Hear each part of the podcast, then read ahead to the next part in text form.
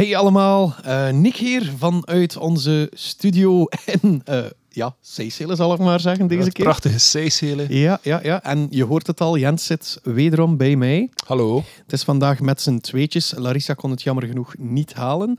Maar dat is ook niet zo erg, want vandaag herhalen wij eigenlijk alles wat er gebeurd is in seizoen 5. Dus voor de mensen die alles al beluisterd hebben, is het een zeer goede, uh, moet ik het zeggen, heropfrissing. Ja. En voor de mensen die het nog niet beluisterd hebben, er zullen hier zeer veel spoilers in zitten. Maar als je tot elk klein detail wil horen, dan zou ik voorstellen om toch maar alle episodes te beluisteren. Niet alles is van even goede kwaliteit. Het is ook een beetje daarom dat we een, een recap geven. Uh, het was nog in tijden van corona, dacht ik zelfs. Ja, ja een stukje is zelfs digitaal online opgenomen. Ik denk dat we elkaar bijna een jaar niet in het echt gezien hebben dat was eigenlijk in die periode. Pijnlijk, ik heb daar echt waar van afgezien. Ja? Ja, ja. Maar ik ben ook weer super blij dat we gewoon weer samen kunnen in dezelfde ruimte zitten en kunnen babbelen over, ja, over EVT en ook gewoon verder kunnen spelen. Mhm. dat, dat vind ik de max. Maar ik ben altijd zo iemand, als ik plannen maak en ik moet dan ergens naartoe gaan of zo, dan de dag zelf heb ik daar eigenlijk totaal geen zin meer in om dat te doen.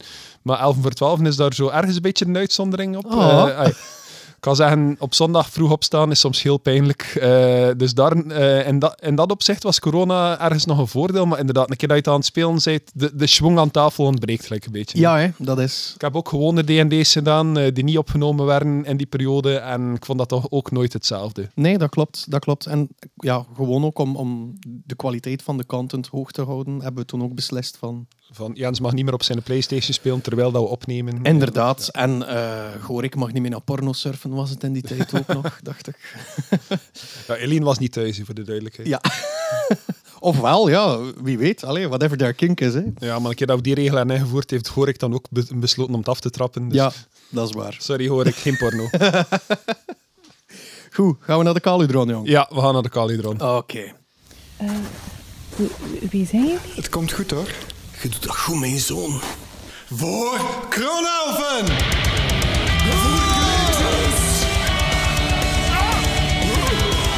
Op dit blast!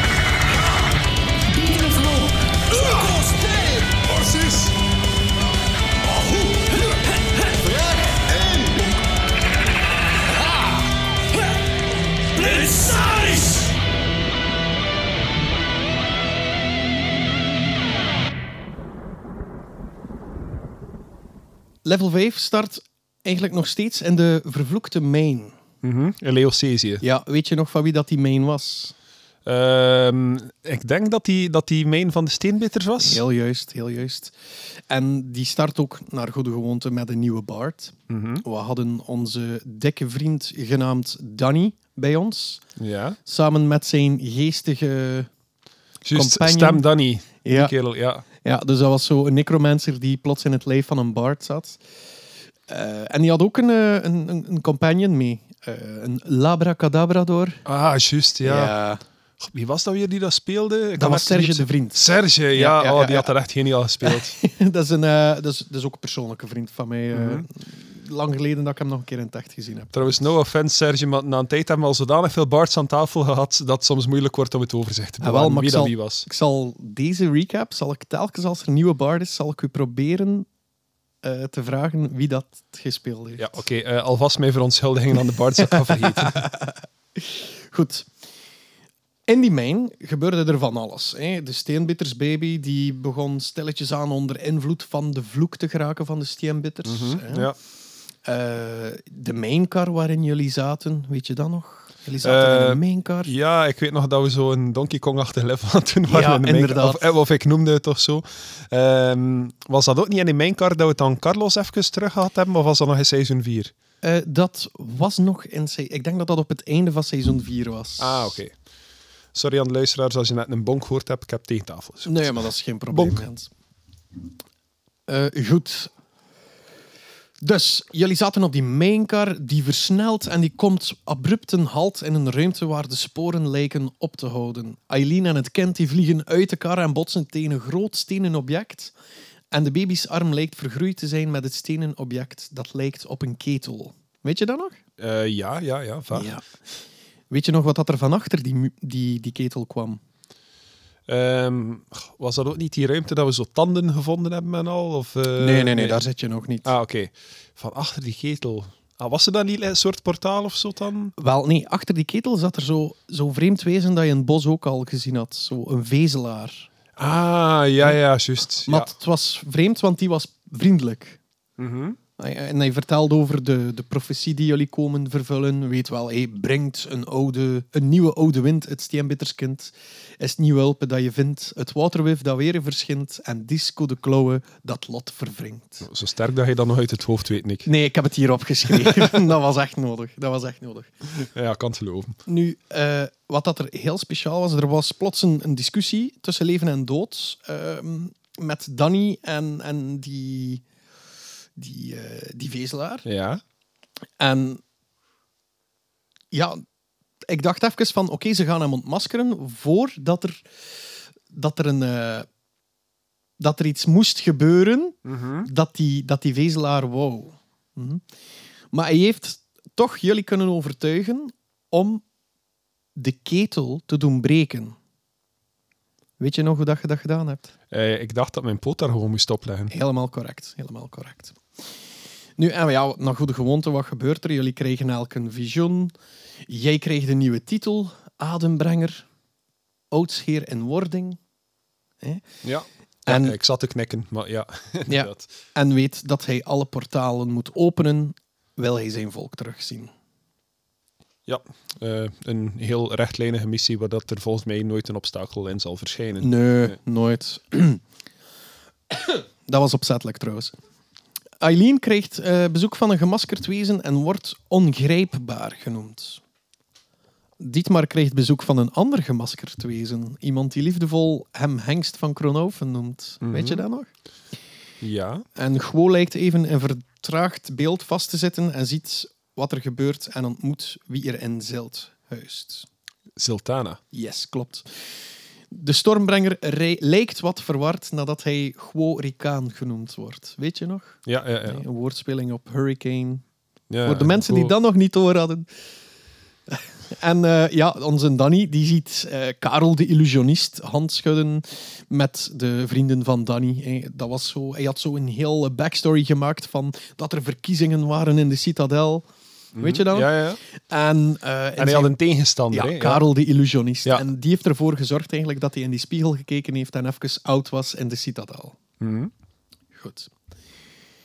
Nu, jullie worden wakker van jullie visioen. En wat zien jullie? Niemand minder dan Morgrey de Duistere heeft jullie erin geluisterd. Hij was die vriendelijke vezelaar. Ja, klopt. Het duurde ook heel lang tegen dat jullie dat door hadden, dat dan Morgrey de Duistere was. Ja, ik zit hier nu te zeggen, ja, ja, klopt. Maar er- ergens, ergens is mijn frank nu pas aan het vallen. Maar... Ja, oké. Nu, waarom heeft hij jullie erin geluisterd en die ketel doen open doen? Omdat er in die ketel, nou ja, ketel, noem het een ketel, het is een object, dat lijkt op een ketel, eh, zat er een deel van de ademmijner. Ja, juist. En hij was dan die Dark Elf. Dat, ja, ik ben even vooruit aan het lopen, maar dat Ja, wordt dan ja. door een portaal zien verdwijnen ermee. Klopt, inderdaad. Ja, dat was perfect hetgene wat ik nu wou zeggen. Oké, ja. dus dank u wel voor mijn aan te vullen. Moet ik de rest intussen ook al Ja, beginnen? ja, doe maar. Ehm, goed. Nu, jullie vinden een lift Ja. en dan komen jullie terecht in die schattenkamer. Jullie vonden het wel op zijn plaats om, om daar een beetje te plunderen. Ja, ja Nee. waarom niet? Allee, dat volk is uitgestorven, die hebben dat niet meer nodig. Ja, en er was wat winst en er was wat verlies. Chuck die krijgt een nieuw metalen gebed. Mhm. En Dietmar die verliest zijn moraal kompas. Hij pakt geld mee. Nu, die, maar zijn moraal kompas is gewoon altijd in alle richtingen aan het rondspinnen en hij pint het gewoon ergens vast en hij gaat die richting uit, zonder dat hij echt... eh, En ik heb dat totaal heeft. geen probleem Ja, mee. Nee. Nu, eh, nadat ze denken iets te hebben vergeten, gaan Tonk en Gwo de mijn terug in. En die was aan het vollopen met water. ja, wat dat een heel nutteloze operatie was. Ja, maar ondertussen was Danny's labrada- labracadabrador ook gewassen. Ja, ja. Geen idee hoe dat geesten zich wassen, maar kom. met water. Ja, misschien. Ik weet het niet. Eh, misschien met de... Hoe noemt dat? White Spirit. eh. Ja, ja voilà, voilà. Ik weet niet wat dat ging zijn, maar mijn Nee. pen was beter. Ik weet het ook niet meer. Iets met, met, met ehm, Head and Shoulders, maar ik vond niks. Dus ja, oké. White Spirit. Ja, White Spirit is goed. Nu, eh, jullie dachten het deel van de ademmijner terug te vinden, maar Morgrey die had dat al lang mee. Mhm. Wat jullie wel hebben ontdekt, is dat er een hoop vastzittende vezelaars onder water zaten. Jullie hebben die dag gered. En jullie doen een tweede ontdekking daar. De vezelaars, die waren de vervloekte steenbitters die jullie, waar jullie over hebben gehoord in de geschiedenisles rond de relieken. Weet je dat nog in uh, Leocesië? Ja, ja. Ja. Eh, dus jullie hebben die gered, die waren super blij. Die trokken zich ook niks van aan van hetgeen wat dat je meegedaan had. Ik bedoel, in hun ogen is dat maar eten. Hè, want steenbitters voilà. die eten ertsen, die eten stenen. Voilà. En steen genoeg daar. Voilà. Dat is letterlijk een mijn. Inderdaad. Eh, jullie hebben de baby dan ook een naam gegeven. Weet Ja. je dat nog? Eh, je, je zit hier heel verwachtingsvol naar mij te kijken, Ja. maar eh, nee. Natuur. Steenbitter. Uh, Ik natuursteen. denk zelfs dat de luisteraars daarmee mochten op... Ja, ja, het is juist. We hebben daar een stemming rond gedaan. Ja, en het is niet natuur met twee u's. Het is N-A-T-U met een trema op. Ja, inderdaad. Ja. Nu, nu dat je dat hier allemaal opnieuw aan het vertellen bent, Nick, ik heb nog vage herinneringen aan al die gebeurtenissen, maar dat was inderdaad alleen van onze digitale opnames hier, denk Ja, ik. klopt. En ik merk wel bij mezelf dat ik heel veel vergeten ben Ja. van die. Dus het is jammer dat dat net heel cruciale momenten eigenlijk waren, waar dat ik zoveel van vergeten ben. Het Ja. is heel goed dat we deze recap nog een keer doen, ook voor ons.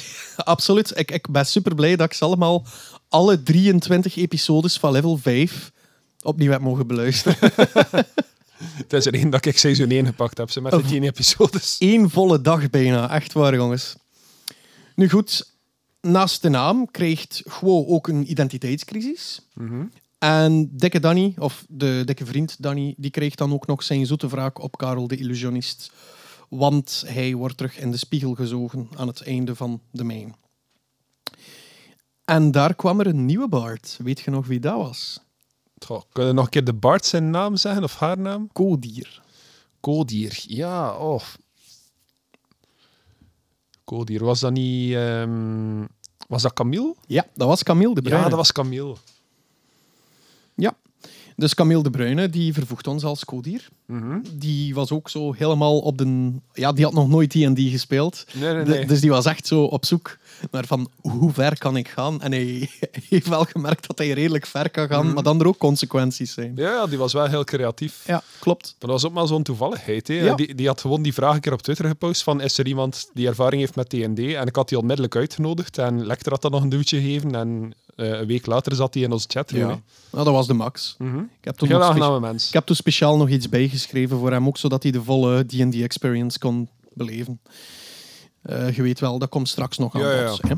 Nu, eh, dus ik zeg daarnet consequenties. De- dat zijn zowel straffen als beloningen, want eh Guo die komt aan de hand van zijn speciaal boek te weten dat er nieuwe opties zijn bij Mimi. Namelijk aanvalsmodus en echo.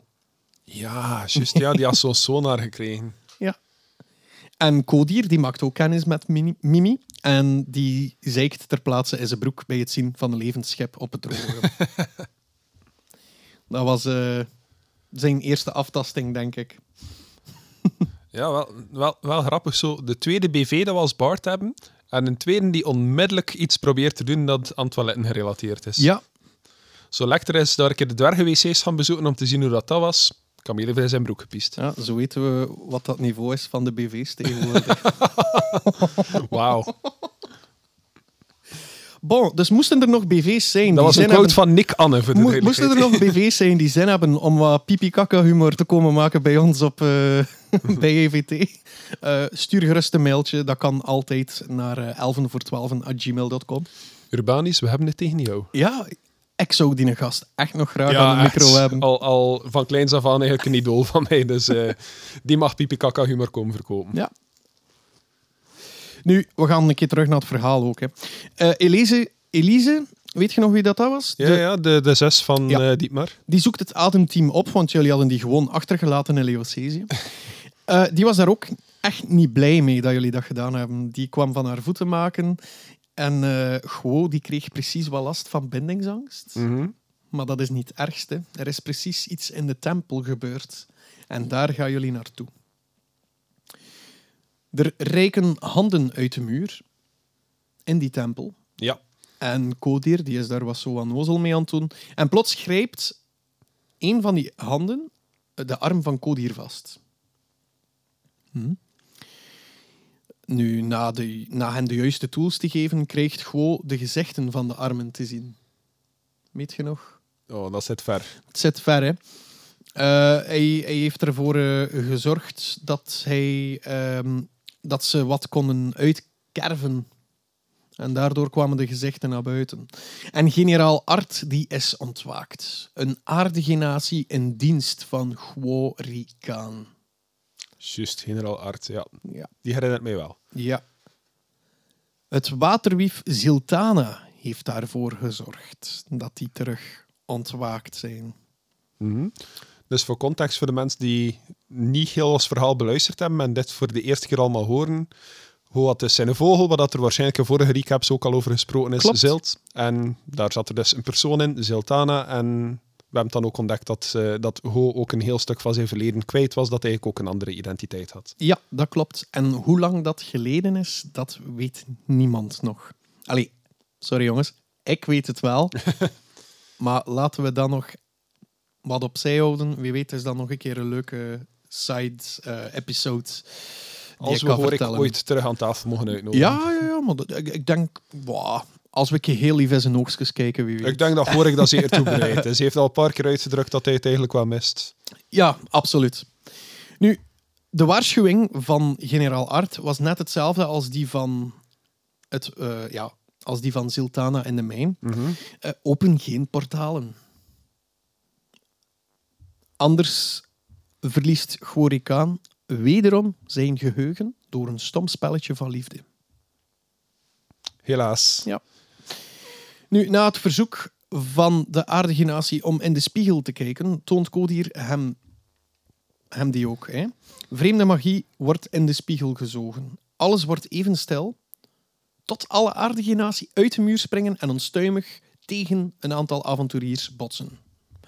Steenvaste allianties worden gemaakt, maar vijandigheid tussen Tortel en Genatie lijken toch wel wat roet in het e- eten te gooien. Een één-op-één gevecht ontketend tussen Art en Tonk. Weet je dat nog? Ja, het is juist. Ik heb gevochten met die. Eh, nu, Tonk, hij wist Art angst in te boezemen en die ontvlucht dan ook het gevecht met een bevestigd gevoel over de Tortel. Of dat Don't nu- mess with them. Ja, als dat nu goed is of niet, dat laat ik nog altijd in het midden. Nu, Trikpa die vertelt jullie over het verleden en verhalen over hoe Leocesië een stad op de rand van de Kaludron was, tot er een elementale oorlog ontstond tussen de Genatie en zij die portalen openden. Hebben we al uitgelegd wie dat Trikpa is?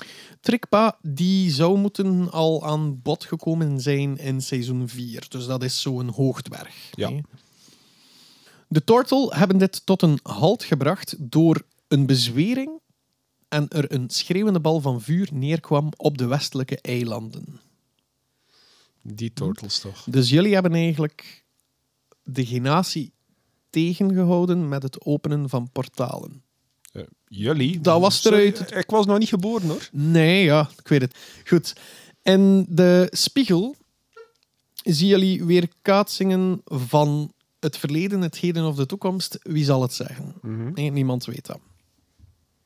Jullie beslissen om te vertrekken naar Kronhoven en een hele delegatie van dwergen gaat mee met jullie. Ja.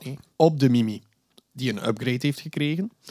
En Guo die beslist om de verantwoordelijkheid over Mimi te delen met Eileen. Juist. Ja. Tijdens jullie vaart slaan de ogen van Chul op elkaar in. Weet je dat nog? Ja, dat plots zo Ja. een grote knal of zo was. hè. Klopt. En ik moet zeggen, in retrospect, tijdens de Orde van Krak zit er daar inderdaad een continuïteitserror in. Ah. Ik ben daar eerlijk in, ja, klopt. Ik was eh, bij het eh, opnemen van eh, de, de Orde van Krak, of de Wanorde van Krak, beter gezegd. Had ik eh, er niet bij stilgestaan dat die twee op elkaar ingeslaan waren en zeg plots het, het, het oog van Kjul staat aan de hemel. Ah, dus de Orde van Krak speelt zich af tijdens seizoen 5 ergens. Die speelt zich af. Mm, ja, ja, naar het einde toe van seizoen 5. Ja. Want dan zitten we eigenlijk nog met een continuïteitserror, Nee. dacht ik. Nee? die is opgelost. Die, die heb ik al uitgeschreven. Het feit dat wij verschijnen op de begrafenis van Krak, Klopt. wat dat wij nog altijd niet gedaan hebben, maar Nee. we zitten in seizoen 6. Ja, klopt. Maar daar heb ik een oplossing voor. Oké. Dus eh, dat komt wel nog aan bod. Ja, we gaan nog niet ver vooruit lopen, maar in seizoen 6 zijn er een aantal mogelijkheden aan het licht gekomen die die continu continuïteitserror kunnen Ja, oplossen. het was gewoon het off-brand Adem-team. Ja. het ademteam van de Aldi. Ja, voilà. Goed. Nu, het, er komt zo een, tijdens het inslaan van die ogen van Kchul komt er zo een vreemde aurora aan de lucht. En de balans lijkt vernield te zijn. En dat is zo. Want gevaar dreigt met een naderende groene plaag. Aangevoerd door een zekere kapitein Gramit. Ken hem nog? Eh, nee, maar ik ging juist zeggen dat, dat de Groene Plaag eigenlijk ook wel een goede nieuwe nickname voor Tonk was geweest. Of een nieuwe titel. Dat is echt waar. Nu, meteen wordt er gekeken of dat Mimi's aanvalsmodus eh, iets, eh, iets goeds is. Eh, en er breekt een scheepsgevecht los. Ah, jawel, ik herinner me dat gevecht Ja. wel. Ja, ja. Dus er worden wat spels uitgetest. En weet Ik denk nog? dat mijn demonen daar ook van Ja. keer hebben uitgetest door ze te casten op het schip van de tegenstander. Ja, er worden ook wat ademstenen getest. Mhm.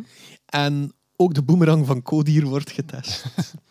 en jullie wisten de winst binnen te halen. Alleen Guo houdt er bewusteloosheid aan over. Want hij was zo verblind door verwarring en woede dat hij all out is gegaan en een paar ja, persoonlijke fouten heeft gemaakt, zullen we maar zeggen. Granit, was dat iemand die Ho ook al kende? Ja. Jazeer, hè? Inderdaad, nu Guo is gekend in het piratengebeuren. Ja.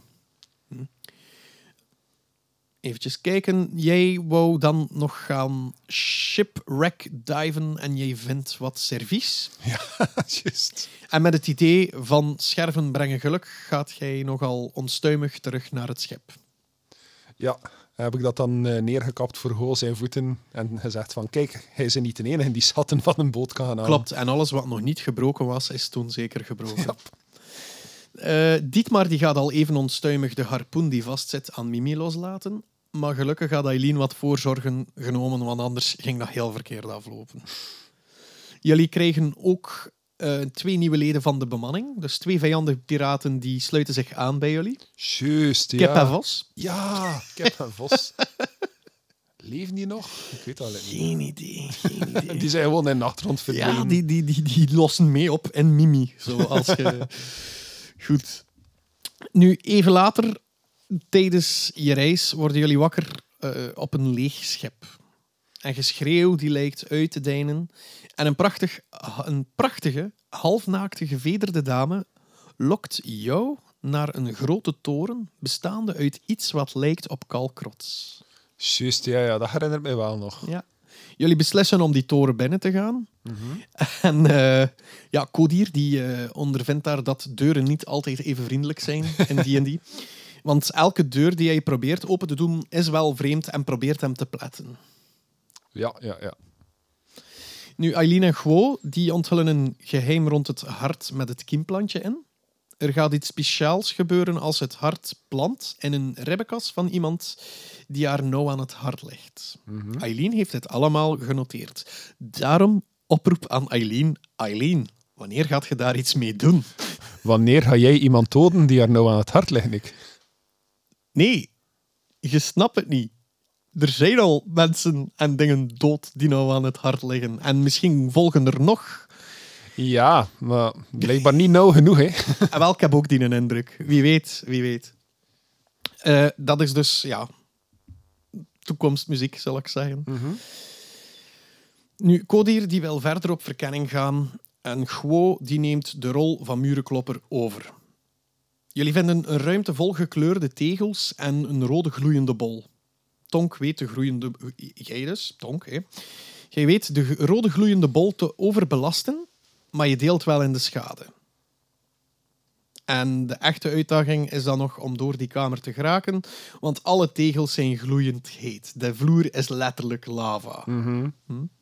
Dankzij de vindingrijkheid van Kodir wordt de vloer afgekoeld door Prestidigi Dinges. ik denk dat dat een letterlijke quote is uit de aflevering. Ja, want denk dat we dat dan ook in de titel verwerkt Ja, hebben. hè? ik denk het. En we gebruiken die nog altijd. Nu, hoe vindingrijk Kodier ook is, met muren blijft hij problemen hebben. Guo wordt hierdoor super bezorgd en zijn... Wacht, ik ga dat opnieuw doen. Nu, en Guo die wordt echter super bezorgd, want hij had zijn hamertje en beiteltje uitgeleend aan Kodier. Ja. Dus hij was daar bezorgd over. Niet over Kodier, maar over zijn hamertje en Ja, zijn ja, ja. beiteltje. Die mensen mij gerief mee. Ja. Zodat, ja. Inderdaad. Eh, jullie banen jullie een weg naar boven om daar een nest te vinden waar jullie kompanen vastzaten. Want jullie schep was zo goed als leeg. Een hele hoop van die dwergen eh, en Elise, die ook mee was, die zitten daar vast. Een nest van harpijen die eist betaling voor de doorgang. Het was een soort van tol. Ja, juist. En iedereen werd dan gehypnotiseerd, gelijk. Hè? Klopt. Ja. Eh, zo ook Guo. En hij laat zich vrijwillig vastbinden.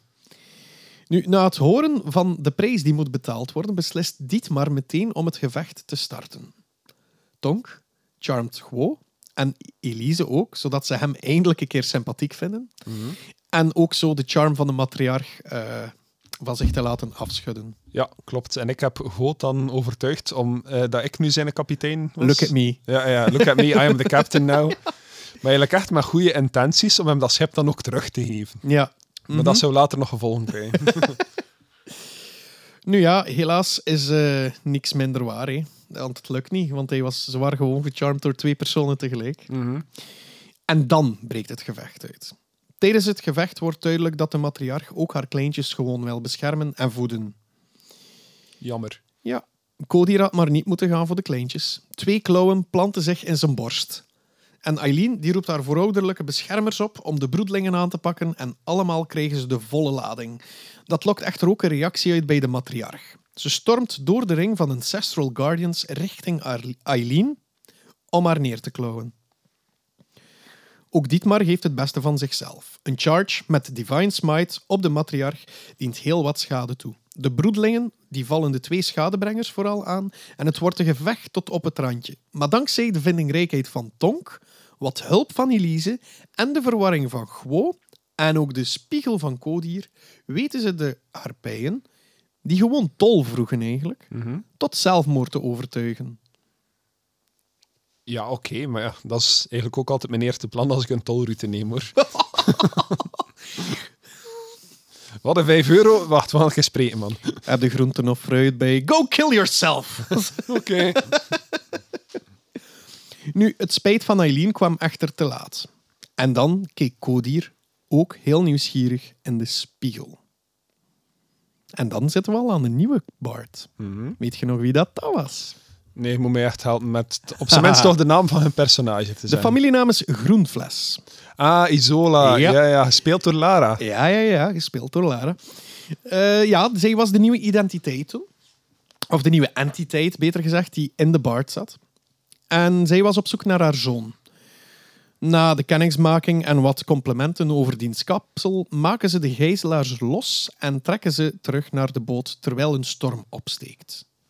Maar dat was niet zonder schade, want er gebeurde van alles. Bliksemschichten sloegen in, eh, hier en daar stort er iets in en jullie werden daardoor verwond. Eileen raakt tot aan de boot en dankzij een verleende toestemming van Guo stuurt zij Mimi aan. En na wat geklungel komen jullie uiteindelijk ook aan boord.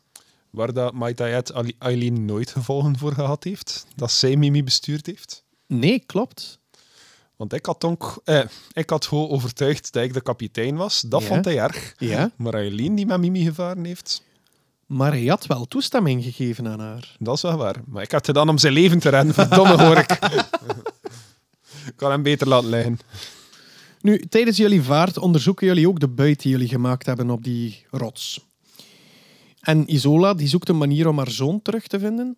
En die test meteen de zwart gevederde piccolo uit die daarbij zat. Ja, juist. Weet je nog wat dat er gebeurde? Nee, totaal niet. Ze had een natural 20 gerold daarop. Mhm.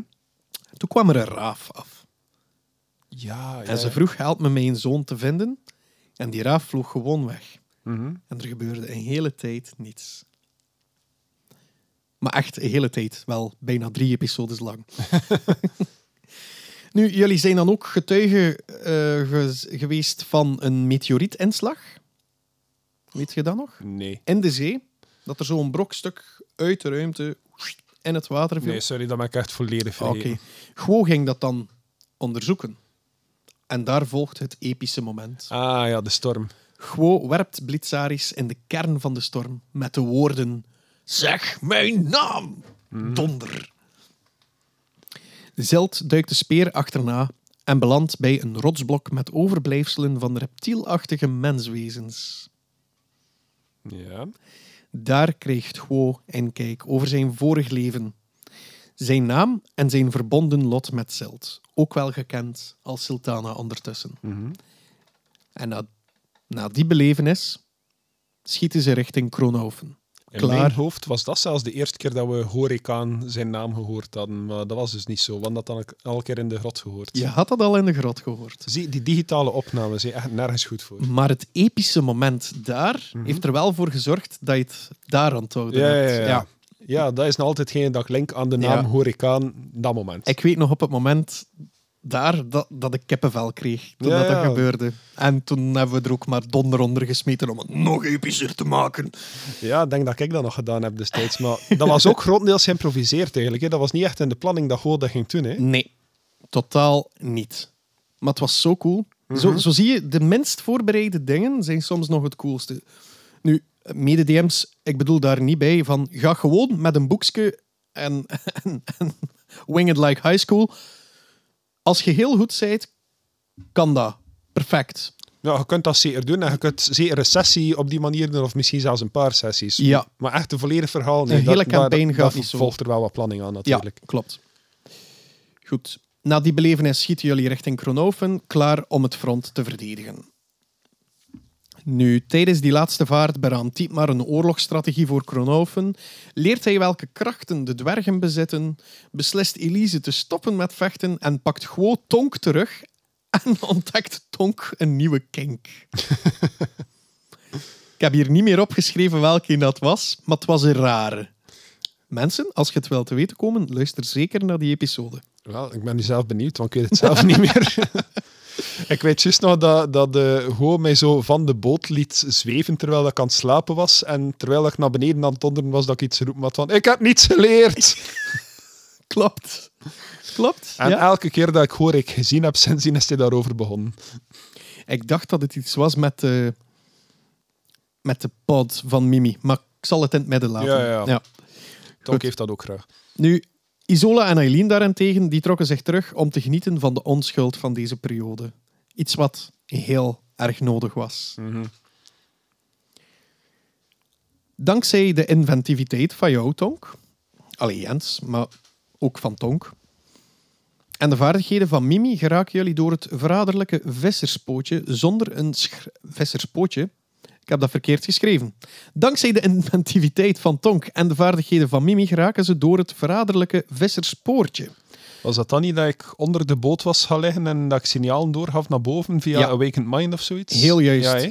En ondertussen had Mimi de echo-modus ook al geleerd. En door de combinatie van die twee was er eigenlijk geen beschadigingen. Want je moet weten, het visserspoortje dat is een zeer ondiep havenstuk met zeer puntige rotsen. ja. Dat veel erger kunnen zijn. Je had Mimi eigenlijk kunnen verliezen daar. Mhm. Dat zeg ik nu. Maar dat, is, dat was echt zo, dat stond zo in mijn notities. Nu, jullie geraken dus ten westen van Kroonhoven op die manier. En jullie zien dat er dreiging komt vanuit het zuiden. Er is een blij weerzien tussen Stern, het paard van Dietmar, en Dietmar zelf. En jullie vinden een bekende stem terug, die koopjes aan het verkondigen is. Een zekere meneer Lumbak. Ja, want Tonk die vindt daar zijn gelijke in. Juist. Dus eh, ja, je vindt zijn gelijke in Lumbak Tusk, die allerhande curiosa verkoopt en mij een schorre stem, stem bezorgt. Ja, ik weet nog, Lumbak en Tonk hadden echt wel goede chemistry. Ja. Je moet die twee meer samenzetten. nu, na het shoppen en het wisselen van cadeautjes, gaan de helden Kronoven binnen om nog meer te shoppen eigenlijk. een hoop bullshittery bezorgen Guo en Tonk nieuwe wapens en herstellingen. Weet je nog wat dat je daaruit gestoken Goh, hebt? ik weet dat we bij die blacksmith geweest zijn en dat we hem gelijk overtuigd hadden om ons, om ons dingen te geven. Eh, wat hadden wij daar weer in ruil voor beloofd? Was dat gewoon niet maar zijn geld dat wij beloofd hadden? Of Het was was dat... echt... Het was... Het was wat, allee, kijk, Want hem alles is van alles zitten wijs Ja, want ik zeg, ik, ik kreeg geheugenverlies. Want ik was Alain rats vergeten. Hè? Mhm. Als ook zijn huwelijk met de taart en de messen van Leocesië. ik was dat dus allemaal rats vergeten hè, op dat moment. Dat was iets van, ja, die ging trouwen en, en, en eh, met messen van Leocesië om, om de taart aan te snijden en zo. ja. Het was iets zeer absurds. Maar kom, dat was gewoon een hele grote hoop bullshit, maar het was wel hilarisch. Dat was gewoon Ho en ik, eh, Horik en ik, die al twee gelijk crackheads dingen aan het verzinnen waren en hij die er gewoon op inspeelde. Ja, klopt. Nu, Dietmar die vindt zijn jeugdvriend Ludie terug. En wat een kerel is dat gewo- Dat is een geworden. schild. Ja. Ludie laat zijn oog vallen op de nu vrouwelijk uitziende Bart Isola en heeft een leuk moment met haar voor de start van de oorlog. Moment dat jullie op de hoge toren zitten daar in Kronhoven, in het kwartier waar de meesters zaten en zo, Ja. zie je dat niemand overeenkomt wat de tactiek betreft. Tot Eileen, Elise en Dietmar dat kwartier binnenstappen. Na het lezen van elkaars gedrag komen de meesters overeen met Kronhoven en de dwergen van Leocesië. Ja. Elise die geeft een hele hoop info rond de mist, want zij is erin geweest. Waarom ze dat niet eerder vertelde, was haar gewoon nooit gevraagd. Met de munten waar het masker op staat, zouden de helden door de mist kunnen gaan. Dietmar stelt voor Elise te laten leiden vanaf de toren, terwijl Ulbricht naast zijn zoon wil vechten. Ulbricht zijnde De vader van Dietmar. Ja. Dat schuiven we een aantal dagen door naar de aanvang van de oorlog. Een prelude van schreeuwen uit de mist, gevolgd door slachtoffers die eruit stormen en dan reduceren tot skeletten. Die vormen een barrière om de mist te doen opschuiven. Ja. Weet je nog? Ja, ja, dat weet ik nog. Ja. In alle stress kijkt Isola per ongeluk in de spiegel en belandt ze terug van waar ze kwam. Verrassend voor haar staat Herman, haar zoon die ze zocht, daar, met een zwarte raaf op zijn schouder. Juist, ja. Heeft die Piccolo dan toch zijn werk gedaan? Moest zijn. Vermoedelijk wel, hè. Nu, op het slagveld verschijnt Bin. Een loxodon in het lichaam van een high elf, gespeeld door Hans. Ja, de, ja, de vriend van Lara Ja, eigenlijk. hè. klopt. Die ging ik wel nog weten. Ja, jammer dat je net die niet vraagt. Ah, weet nog, in mijn hoofd was dat... Ja, Loxodons zijn toch zo wat olifanten. Ja, ja, ja. In mijn hoofd was dat zo babaar. Heb je ooit die, die tekenfilms gezien vroeger? groen, groen maatpak met een kroontje. Ja, voilà. Ja, vers, vers getrimde slagtanden. In hoeverre dan die getrimd zijn, maar kom. Goed. Ludie die was echter teleurgesteld. Want die had graag nog een kaas- en wijnavond gehad met Isola. Juist, maar we hebben de kaas... Eh, Isola al de hele kaas en wijnavonden in Kronoven uitgevonden. Hè. Maar ja, samen met Ludie eigenlijk. Ja, ja, ja. Eh, Isola was zo meer de, de wijndame. En Ludie die is de, de zoon van de kaasboer. Ja, dus Let's Unite Powers, Yes. eh, kaas en wijnavonden. Voilà, inderdaad. Guo heeft niks van medelijden met de onzekerheden die het Schabachse legioen draagt. Want die waren wat twijfelachtig tegenover de leiding en zo. Maar Guo, die, hm, die stelt hem. En naar goede gewoonte verliezen de avonturiers wat van hun plan. Ja, dat is meestal wel zo. Hè. Maar toen heb ik wel wat bijgestuurd. Zeker als ze niet maar aan de leiding zet. Die, die maakt een plan en die vergeet dat instant. Ja, klopt. Nu, na het checken van de munten met een gebroken masker op, merken jullie een link op naar de poppenmeester. Dietmar die wil nog even vlug zijn volk en zijn leger toespreken. Een gezoem reist vanuit de mist. Het leger wordt opgehist en, opgehist. Opgehitst. Het leger wordt opgehitst en iedereen stormt voorwaarts. Tijdens een time-out wordt een groep mechanics uitgelegd, als ook de moraal die ik daar heb eh, voorgesteld. Ja, Weet je ja, dat nog? ja. Na iedere ronde een D20 rollen. En er kan iets goeds gebeuren of iets slechts gebeuren, afhankelijk van hoe hoog de moraal is aan beide kanten. Ja, dus eigenlijk een beetje een combinatie van eh, Warhammer mechanics en Wild Magic zo. Ja. Ja. Ja. Kan we het stellen. Ja, nee, echt, dat, is, dat is zo accurate als het maar kan zijn. nu, het gevecht breekt uit. Een zwerm boetjas die stormt de mist uit en sommigen dragen van die creepy duizendpoten bij zich. Ja, ja, juist. De gelden, de gelden, de helden die gaan het gevecht aan en de moraal wordt aangewakkerd. Met pijlen, geworpen zwaarden, bliksemse speren, eldritche blasten gaan ze doorheen de eerste zwerm. De schedels van de skeletten aan de grens beginnen te bewegen en de helden maken zich klaar voor een tweede golf. Ben die snuit zijn neus in zijn piccolo en roept zo een raap, een, een raap, een raaf op. Het had ook een raap kunnen zijn, want Ben is eigenlijk een, eh, een chef. Oh, ik zou eigenlijk echt lachen, moesten dat ooit nog een baard gebruiken en dat er gewoon een raap uit de lucht valt. Oké, next. Hij wenste voor twee potdeksels en cast hierbij Thunderclap. Schadenfreude, die kreeg zijn hoesting en vernietigt twee van die schedels. Schadenfreude zijnde het zwaard van Dietmar, dat waarschijnlijk heel evil en vervloekt is. Wow, Eh, dus, dus het is te zien hoe dat je het bekijkt. Ja, het is dat. En luister naar eh Dietmars vakantiepark. Ja, ja, sowieso. Nu, de inventiviteit is wel schitterend. Tonk maakt stank. Eileen roept haar Spirit Guardians op. Guo zwaar danst en ze maken zo een pad vrij. Maar toch gebeurt er iets achter hen. Weet je nog wat? Goh, ik weet nog dat die mestkevers daar dan plots waren en zo, maar achter ons... Ah, nee, nee, er was plots een kloof achter ons. Een gigantische sinkhole. Ja, ja, ja, juist. En eh ja, Ho zijn geniale idee was om Mimi als brug te proberen gebruiken. Ja. Inderdaad, dat staat hier inderdaad nog bij ook. Dus inderdaad, een deel van de grond zakt weg en een groot deel van het legioen wordt mee in het zinkgat genomen. Ja. Dus jullie leger werd toen heel hard gereduceerd. Dank u, moraalrolls, daarvoor. Ja, denk zo het laatste seizoen van Game of Thrones, zo al de Dothraki op iets zien afstormen en dat gewoon allemaal zien omvergeblazen worden. Dat is eigenlijk gebeurd met het leger dat wij meegenomen Ja. hebben. Klopt, terwijl dat daar niet van komt. Nee, nee, dat weet ik, dat Ja. weet ik. Goed, nu Dietmar die werd wat gestrest en die geeft vroegtijdig het signaal om de cavalerie erbij te halen. Tonk kreeg tijdens het gedonder van de paarden een mentaal bericht. Bezorg me die arm. Juist. Ja. I Net- want that arm! Net als ze denken dat de laatste golf verslagen is met de cavalerie, horen de helden doodschreeuwen vanuit de mist. Ondertussen komt Melon Tusk aangestormd met een zwarte grote monoliet op zijn schouder. Hij weet hiermee een schild rond de avonturiers hun verdedigpunt te activeren. Ondertussen kunnen de helden hun schade opmeten. Brik en Flint testen hun mortier en verbreken daarmee per ongeluk het schild gemaakt door Melon. Gwo werd Mimi nog eens vlug in de kloof, dat was daar, Ja, op ja. de roerloze soldaten. Nogmaals, deze mop was onbewust gemaakt. Ja, sympathieke mensen wel die niveau. Ja. Net als de beslissing van Gwo, die een hoop lijken verplettert met Mimi. Nee, dus dat was ook onbewust. Ja, ja.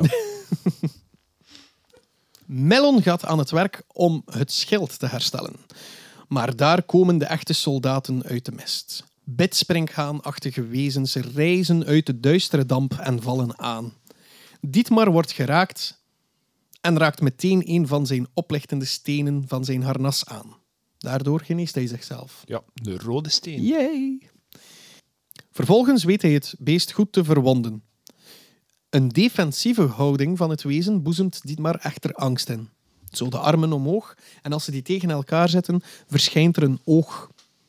Eh, allee, dus de twee delen vormen eigenlijk ook een oog Ja, ja, ja, als tegen ja. elkaar komen. Ja. Eileen die wordt benaderd door zombies die dezelfde bewegingen en stuipen hebben als toen Krak eraan moest geloven. Och, arme. Nu, de gevechten die lijken plots persoonlijker. Gwo helpt Eileen meteen. Tonk helpt Dietmar. En Bin scheldt de mantis uit voor rotte vis met... Vicious, Eh, vicious mockery. mockery, ja. Vicious Ja, ja, mockery. ja, ja, ja. Ik, snap, ik snap hem. Echt waar. Daarvoor doe het, hè. Eén van ons toch?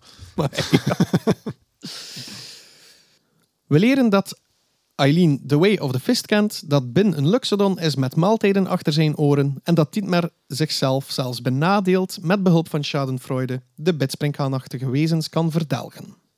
Ikzelf onthoud vooral de vraag van Dietmar naar een DM die van katten houdt. Little does he know. Na het verslaan van de mantis en de zombies reist generaal Art uit de grond. Misschien heeft Tonk iets van hem nodig. Ja. een zekere arm. Ja, klopt. En weet je nog wat dat er toen gebeurt? Ehm, goh, was dat toen ook niet dat, eh dat Dietmar met die steen is beginnen klooien? En dat Tonk eigenlijk niet echt achter die arm is zitten zoeken, maar dat hij gewoon bezig was met het gevecht in de zin van er zijn andere prioriteiten op dit moment. Ja, hè. Ik denk dat zoiets is. Ja, Kyle is niets met die arm gedaan, denk ik. ja, en er was ook zoiets van... Art, die was precies verward. Want hij zegt tegen Guo dat hij nu naast zijn zijde vecht in plaats van tegen hem zoals vroeger. Terwijl Art nog voor Guo heeft gevochten. Wat dat er daar precies aan de hand is, is nooit aan het licht gekomen. Nou, wat dat, dat betekent, gaan we misschien ook nooit weten. Dat is afhankelijk of dat jullie generaal Art nog tegenkomen. Oké, maar Nick, schrijf dat op voor iets dat je ons ooit had mogen uitleggen en die dat we hoor ik niet terugkrijgen. Oké. Maar ik wil dat nu wel weten. Het is niet genoteerd, maar als je het wilt weten, moet je het maar een keer vragen. Oké, fans, eh, als er trouwe fans zijn die die afleveringen soms herbeluisteren en zo, en pakt in 2024 of zo als verhaal is afgelopen en je wilt, je wilt hier nog altijd een antwoord op, stuur ons een berichtje. Want ik ga dit ook vergeten en Nick ook. Ja, dat kan ook altijd via de Discord van 11 voor 12, via de EVT Community op Facebook. Ja, ook nog een keer reclame maken. We hebben een toffe EVT-community, eh waar dat er eh, al redelijk wat mensen in zitten, maar er is zeker nog ruimte voor meer, dus kom erbij. Absoluut, absoluut, absoluut. Het heet gewoon EVT-community op Facebook. Ja. Nu, tijdens het moment daar kon er niet veel over nagedacht worden, want vanuit de mist komen opnieuw belagers richting jullie verdedigingspunt. Eileen begint met de verzwakking van de, van de tegenstanders en toont de Dungeon Master. Wat dat, dat precies was, luister maar. De zombieachtige wezens lijken echter wel wat feest hierdoor. Geen enkel van hen weet haar te raken. Ben wil ook meedoen met Eileen's badassery en haalt zijn fractuurpan boven. En geeft een zombie een koekje van eigen deeg. Weet je nog, de fractuurpan? Ja, ja. Ja, dat is een magische pan, hè. Een magische pan. Een magische pan. Moet kunnen. Kort gezegd. Moet kunnen. Tonk die krijgt een hoop rupsachtige wezens op zich en wordt hier en daar gebeten en voelt daardoor blijvende tintelingen. Weet Nog je dat nog? altijd, ja. Ja, beetje botoxbehandeling dat gekregen. Wij kan die hem gewoon een hernia bezorgd. Gwo die snelde jou te hulp en die spietst een van die rupsachtige wezens op een pijl en scheert de andere van Tonk met zijn longsword. Tonk zijn oksels zijn vrij van rupsen. Hoera. For now. maar ook daar heeft Tonk een nieuwe kink ontdekt. Ja, eh, jij hebt dan zelf die van jouw lies afgetrokken en je greep die van jouw enkel en je gebruikte Shocking Grasp om calamars te maken. je weet het nog. Mijn calamaris. En eh, Chico die kwam ook nog even langs en die trapte een van die zombies tot moes. Ja. Eileen die wordt wat uit haar focus gehaald hierdoor en mist haar aanval, waardoor een eerste zombie een zware klap kan uitdelen op haar arm en de tweede haar los in het gezicht kan slaan. Weet je dat nog? Dat was brutal. Ja, ja, ja. Ik weet nog dat we allemaal heel pist waren op die wezens. You're welcome. nu, Gwo krijgt Ben bijna bewusteloos door per ongeluk in zijn pols te schieten. Natural ones, ja. En Tonk die snelt Eileen te hulp door een van de zombies te snipen. Als ik me niet vergis, was dat met Eldritch Blast. Waarschijnlijk, ja. 9 van de 10 keer als ik aangevallen heb, was het daarmee. Warlock, anyone. Eh, ondertussen schiet het scheld weer in gang en hebben ze maar één zombie meer binnen de dome. Eileen die probeert die te verslaan, maar krijgt zuur over haar heen. Ben speelt wat met zijn boemerang en Dietmar doodt uiteindelijk de zombie. Alle rupsachtige wezens die in de zombie zitten, kruipen eruit en exploderen en zo schiet er zuur alle richtingen uit. Ja. Plots klinkt er gedreun op het schild. Terwijl Gwo het schild aftast, geneest Eileen rond zich. De spelers beslissen om experimenteel te gaan en hun ademstenen te combineren met het monolith van Melon. Generaal Art onderbreekt hen, waardoor het experimenteren wordt uitgesteld. Ze vragen de hulp van Art om de dwergen op een verhoog te duwen. Je weet wel, flint en brik met Ja, een mortier. En ik erbij, hè. Ja, jij gaat mee, want jij herinnert u de rode bal. Jij had die getoond aan Auwert. Melon wordt erbij gehaald. En Dietmar ziet zijn kans om de monolith te bedienen. Ja, inderdaad. Gelukkig ziet Ben dit gebeuren en krijgt hij hulp van Guo om Dietmar neer te halen. Ja, als ik me niet vergis, had Dietmar die steenlijk in het Russisch gezet. Ja, en het Russisch gezet en hij had 50 foto's of zo erbij geplakt. Je kunt die foto's nog terugvinden in de EVT community page. Juist, ja, ja. way. Filip Ja. heeft dan echt allemaal foto's genomen van zijn eigen die, die dingen aan het manipuleren was. Ehm, Wel props to Filip voor de commitment aan die ja, grap. ah, wel. Dat was, ik weet niet hoe cool. Er lijkt ook een stuk te ontbreken bij mortier nadat ze die hadden getest bij Brick en Flint. Weet je dat nog? Eh, ja, ja, inderdaad. Ze hadden, ze hadden ergens een, hendelken of zo tekort. Hè. Ja, en jij hebt daarvoor de oplossing gebracht. Ja, ik- Dat kapotte, eh, ja, een stuk van mijn kapotte kruisboog, was niet dat? het geheel kapotte geheel. kruisboog Ja, dat ja. je in die bibliotheek gevonden hebt. Weet dat wel? denk dat ik waarschijnlijk al vijf keer geprobeerd had op dat punt, dat ik altijd mee gemist heb en dat ik uiteindelijk heb gezegd van fuck it, steek het hierin. Ja, en dat was perfect. Na discussie over wat er met het verhoog moest gebeuren, komen jullie tot het besluit dat Flint en Brik met het mortier samen met Tonk tot boven het scheld moesten stijgen. Mhm. Om daar ja, de sniper uit te hangen. Hè. Ja, ja, campers. nu, Tonk, jij weet de dwergen te motiveren om de mestproducerende achterlijven kapot te maken met het mortier. ja, van de mestkevers. Van de mestkevers. Ja. TM. Wat dat dus eh, heel grote kevers waren, met precies, als ik me niet vergis, een soort vulkaantje op de rug dat mest produceerde. Ja. Dus jij had hen gemotiveerd om daarop te schieten. En meteen, als ze daarop probeerden te schieten, kwam er een diepe kreet vanuit de mist. En die galmde over heel het oorlogsveld. De mist trekt weg rond het trefpunt. En dat was een groot bombardeerkeverachtig wezen met drie horens op zijn borstschild. En die had inderdaad zo precies een, een- niet echt een vulkaantje, maar zo een schoorsteentje na zijn Ja, ja, achterste. ja, een schoorsteentje. Ja, waar er eh, ja, van die zwarte mist uitkwam.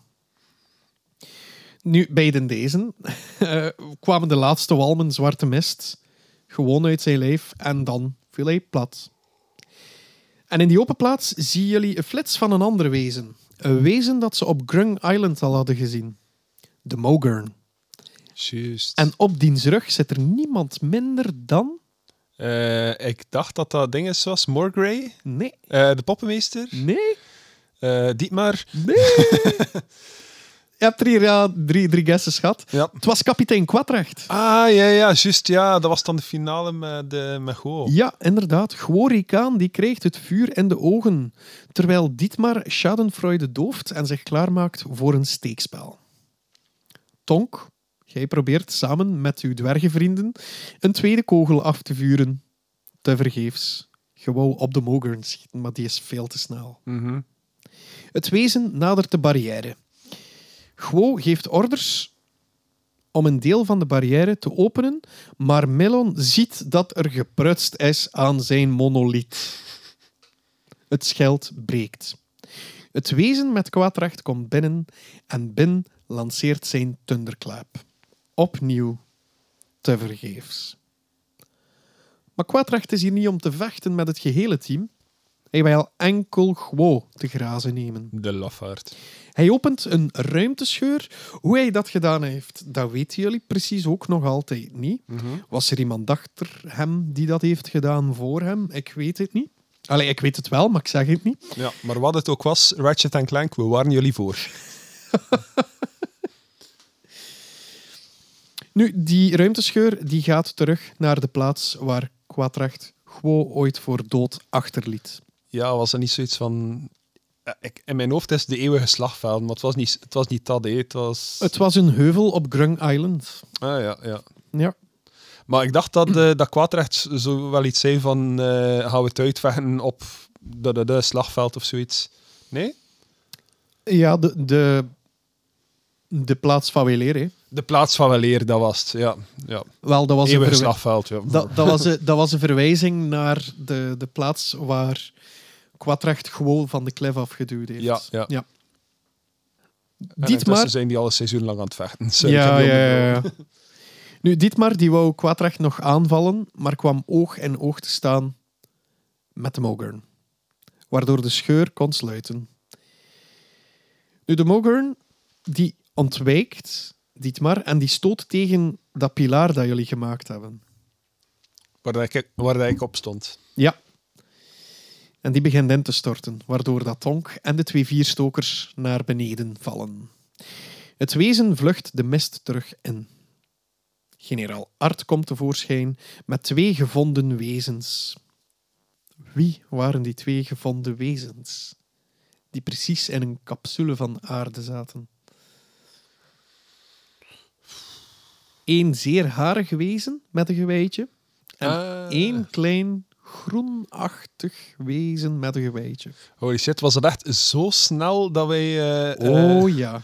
dat wij Lara dan terug in onze party hadden? Ja, klopt. Enkel Hans. Ah ja, ja, maar in mijn hoofd zat er heel veel tijd tussen, maar dat is omdat er ook heel veel tijd, heel veel tijd tussen die opnames zat. Hè. Ik Klopt. denk dat we dan echt drie, vier maanden aan een stuk niet hebben kunnen opnemen. Dat is perfect waar. Ja, dat, En- dat is zo. Ja, ja, en toen, de volgende keer dat we opgenomen hebben, was Lara als nieuwe partylid. Hè. Ja. En dat was, dat was heel raar, want Lara was nog niet aanwezig tijdens die opnames, maar haar personage was er al. Ja. En wat dat er ook grappig was, Hans, haar vriend, Ja. die eh Ben speelt. Dus Ben, die keek naar zijn spiegel.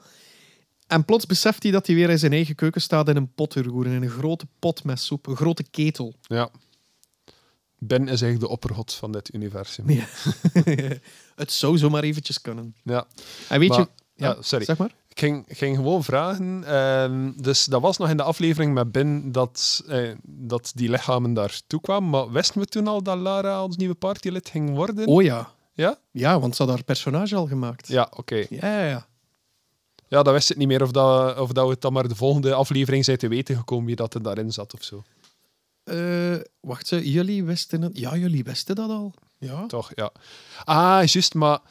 Ja, wij hebben twee keer opgenomen met, met Hans, dus daarmee. Want dat was de eerste die het eigenlijk heeft aangedurfd om te zeggen, ik ga niet in de spiegel kijken. Ja, klopt. En dan hebben we dat beloond door hem nog een keer te laten Ja, ja, absoluut. Juist. Nu, eh, mensen die luisteren, die ook als gast komen, neemt daar geen voorbeeld aan, want anders moeten we heel uw agenda vol spammen met data die je kunt komen opnemen. Tenzij dat je dat graag wilt, natuurlijk. oh, maar ja, jongens. daar gaat ons concept. Jezelf er gewoon zo in doen als nieuwe partylid. Doe dat niet of Nick doet die dood, hè. Allee, in-game. Ja, in-game. Goed, maar weet je wie de volgende Bard was? Ehm al op dat punt zo niet een keer een oude bekende die terugkwam en met dat Hifka niet nog een keer had of zo? Het Of- was, het was een grote fan. Ah, ja, ja, juist. Ehm, Jonas. Yes, yes, klopt. Hij kwam Ik weet niet meer wat zijn Bart heette. als Aradian of Aradian. Ik vond Aradian leuker Ar- klinken. ja, En zijn uiterlijk ziet er plots meer geslepen uit. De haren die zitten precies zo gevormd tot horens. en hij had eigenlijk nog een fan meegebracht. Eh, Lars, Ja. dacht ik. Ja, En die komt straks ook aan bod. ja inderdaad. De reden waarom dat hij daar ook was, is, dat, is omdat hij het vervoer was. En omdat we dan een toffe mens vinden. gewoon. Absoluut. Ja, nee. Lars en, en Jonas zijn twee hele toffe, hele toffe mensen. Ik ben blij dat we eigenlijk zo'n hoop leuke mensen in, ons, ja, in onze luisteraarsgroep hebben. En Wat, zaten die alle twee in de wanorde van Krak of was dat enkel Jonas? Dat was enkel Jonas. Eh, Ja, in de wanorde van Krak was het eh, Kira, eh, Jonas en Michiel. Michiel, hè? Ja, ja, ja, ja, ja, ja, ja. Eh, Shout-out naar jullie. Ja, we zijn aan het aftalen. Maar dus, eh, Lars heeft één zin mogen zeggen in die drie afleveringen en heeft daardoor zijn royalties nu vergoed. Hè. Ja. Ja. De syndication money is rolling in. Nu, het, het wezen dat gevonden werd door generaal Art ontwaakt en triggert meteen Dietmar. Het is een woudgnoom met een gewei en een bloem op haar hoofd en ze zegt dat ze op zoek is naar Dietmar. Naar Tonk, naar Eileen en naar. Want zij moet hem helpen. Hen helpen, sorry. Melon die geeft ondertussen ook toe de dwergen te hebben misleid bij het nominont om de krachten van de steenbitters te verkrijgen en zo patronen in stenen te zien die niemand anders ziet. Wat er ook nog belangrijk is om te weten, onze vier stokers die hebben de val overleefd, hè, jongens. Bedoel, dwergen, dat zijn nogal robuuste wezens binnen de Kaludron. Die kunnen wel tegen iets. Ik bedoel, heel een stad is van de rand van de Kaludron naar beneden gestort. En ze zijn er ook nog altijd. Brik wel met een klein beetje hersenschade, waardoor hij nu constant gewoon hahaha reageert op dingen op Facebook. Maar voor de rest... Ik deed dat voordien ook al. ja, maar niet op Facebook. Nee, het is waar. Hadden die jong nooit Facebook mogen geven, eerlijk gezegd. Maar kom. Ja, hadden gewoon die internetverbinding van die steen moeten verbreken. Ja, klopt. Hadden hem geen smartstone mogen geven. Doe maar deuren, hou. Nu, voor de rest, voor veel check-ups en kennismaking is er geen tijd, want de frontlinie nadert. Het schild is aan het rebooten na dit maar stuntelingen en er sluipt een gevaarlijk wezen, de Mogern, door de menigte. Deze vallen ze aan eens ze hem vinden. Pip die toont meteen uit welk hout ze gesneden is en valt de Mogern aan van op Barry, haar nobele Capybara. yes, capybara, coconut dog. Of een guinea pig. Of een guinea pig. ook zijn. Ja. Ja, cool. Nu, die kreeg de aandacht van de Mogern. En Pip die kreeg de volle laag. Maar Barry die weet toch gewoon te ontwijken. Die heeft geen plot armor trouwens, die was gewoon goed in ontwijken. Ik wens het daar niet toe, hè, maar hoe grappig zou het geweest zijn moest Pip erbij komen als ons nieuwe partylid en onmiddellijk afgemaakt worden. Ik neem notities. Het is te laat hè, daarvoor. ja, nee, het is waar. Het is... Maar, nu verklapt je al veel, hè? Ja, dat- er nog een partylid meedoet in seizoen 6. Ja. Ja, oké. Nu, Ik heb nog niet gezegd dat Lara sterft in aflevering 3. Hè. Nee, dat is waar. Wat? nu, Aradian die vertelt een mop die een gevoelige snaar raakt bij de Mogern. Tasha's hideous laughter raakt zijn doel en dat was de dooddoener voor hem. Dietmar ziet het als een kans om de cavalerie opnieuw op te roepen en doet hierbij beroep op Tonk. Tonk die versempelt Dietmars bericht enorm. Hier aanvallen nu. dat is iets in die naart. Dat was zelfs niet Tonk zijn schuld, dat was gewoon Jens zijn aandachtspannen. De wezens die beginnen stilaan de overhand te nemen bij de troepen. Pip blijft schieten op de Mogern en de Mogern die blijft alleen maar lachen, tegen zijn wil. Aradian die had ook zijn blasters op zak van de vorige reis. Eh een van de weinige dingen dat, dat, dat voorkomt soms. Ehm, dat is zeer zeldzaam dat de, de Bard plots iets mee heeft vanuit zijn eigen homeworld. Ja, oké, maar we hebben dat toch al een paar We keer hebben dat al gehad, een paar keer gehad. dubbeldolkig scheermes, Nee, dat was iets dat gevonden werd. Ah, werd dat gevonden? Dat werd gevonden in de bibliotheek, ja. Oké, mijn excuses. Maar bijvoorbeeld eh, de companions die soms meekomen. Mhm. Ehm, in dit geval de wapens. Ook een keer een ukulele ergens. Oh, ja, Ben had dan ook zijn pan en zo dat hij Ja. kon gebruiken. Hè? Klopt. Nee, die fractuurpan was gekocht bij Ah, Lumbak. ja, oké. Sorry, mijn geheugen is een zeef en ik heb ADHD. Dus. Nee, geen probleem. Nu, Eileen, haar geniale brein, die linkt A naar B en zegt dat hij een van zijn blasters moet geven aan de dwergen. Die blaster krijgt een plaats in het mortier. Trillende aarde en het overladen mortier lijken het tij even te keren. De Mogern schiet uit zijn lachbui en zoekt naar de bron hiervan. Dietmar die takelt hem lelijk toe met schadenfreude. Freude, met schadenfreude, Schadenfreude. maar krijgt daardoor ook een giftige derridouche over hem heen. Ja. Pip die heeft wat moeite met grootte in te schatten en gooit een veel te klein net over de Mogern. maar dankzij haar zwaard en Melons schild die heractiveerde, weten ze het legendarische wezen te verslaan. De mist trekt terug en een zee van wezens split zich tot een gigantisch wezen zichtbaar wordt. Op de rug van dat wezen staan twee vertrouwde figuren die de boel lijken aan te sturen. En is deze keer Morgrey en de poppenmeester? Mordray en de poppenmeester. Ja. En zij zitten op een bekend wezen. Dan gaan we helemaal terug naar de eerste keer dat we samen zaten in de Ah, krook. dat, dat gigantisch monster dat, eh dat Burgenhal heeft aangevallen. Klopt. Weten we daar eigenlijk al een naam van, van dat wezen? Nee. Nee, oké. Laten we het de koningin noemen. De koningin. Oké. Voilà. Dat is nu. Oké. Dus De- we kunnen ook als partyleden een keer testen of dat ze naar deze recaps geluisterd hebben, door gewoon voortaan af en toe een keer iets te droppen over de koningin en geen verdere context Ja, voilà. Ja. Ja. Cool, hè? Ja. Nu, de mest die lijkt in een gigantisch spekhoeel getrokken te worden, gedragen door een duistere elf met witte haren. Een explosie van duistere mist en wind gaat over het land en wat zien de helden hierna? Dat alles weg is. Een leeg slagveld. Ja. Geen mist meer, geen vreemde insectenwezens meer, enkel nog de slachtoffers, een gapend gat in de grond. En op plaatsen die zich in de mist bevonden, zie je nog meer gaten. Dietmar helpt zijn zwaargewonde vader naar Kronhoven te geraken, terwijl Pip vertelt over Grootblader en haar vader Glim. Ja, ja. Blijkbaar heeft iedereen Glim al ontmoet op een bepaald punt in hun leven. Juist, ja. Dat was eh, een persoon die onze voorspelling is komen brengen. Zo eigenlijk eh offscreen voor aflevering 1. Of ja, voor de eerste volwassen aflevering Ja. 1. Die ons zei van als de, als de ogen van Samen aan dingen, de lucht dingen staan. aan het doen zijn in de lucht. Samen met eh, het Had van Sot. Of, eh, nee. Hij zot had. Als er dingen aan de lucht staan die Ja. daar niet horen te staan, moet je naar, eh, moet je naar eh, dinges komen. Naar Sabach. Ja, Dat was inderdaad. Klopt. Nu, Tonk, jij probeert ook meteen vriendschap te sluiten met Barry. En er reist ook meteen angst om hem te verliezen. We weten hoe dat hij zit met schatten gewezen van dat wij ons aan hechten.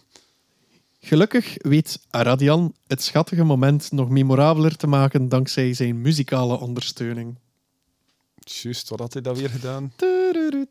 Ah, Careless Whisper gespeeld. Wat dat eigenlijk ook al seizoenenlang een running Oh, joke is ja. bij ons. Ja. Nu, de helden beslissen na een rust een van de gaten te gaan verkennen. Omringd door de rupsachtige wezens maken ze vuur en licht om die op afstand te houden. Was dat eigenlijk de bedoeling dat wij daarna, eh, daarin gingen duiken? Of was dat gewoon wij die aan het sidetracken waren en hij die dingen begon te verzinnen? Hebben jullie de boel kunnen verkennen? Zaten er overal wezens? Ja. Dat maakte een handgebaar, dus het was gepland waarschijnlijk. meer moeten jullie niet weten. Of dat dan nu voorzien was of niet, dat laat ik ook in.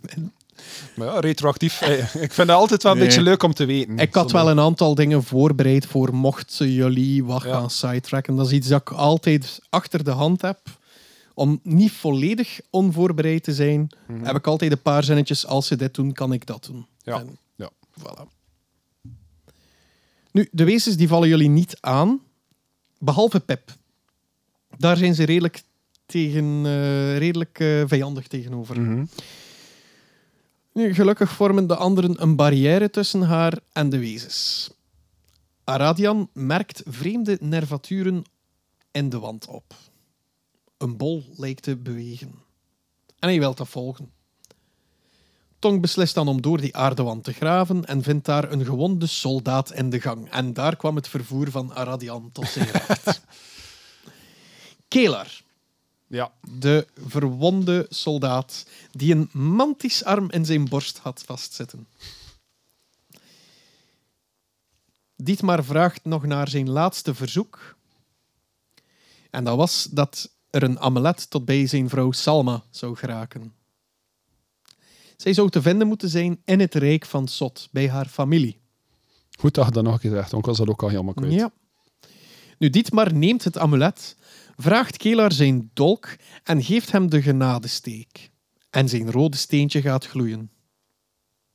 Tong beslist geen tijd te verliezen en rukt de mantisarm die vastzit in Kelars borst gewoon los. Ik kan een arm nodig, oké? Dat was ook geniaal. Oké, enough of this. Ja, nu, Dietmar kijkt ook nog even naar het amulet en dat lijkt wel op een knoop of een munt.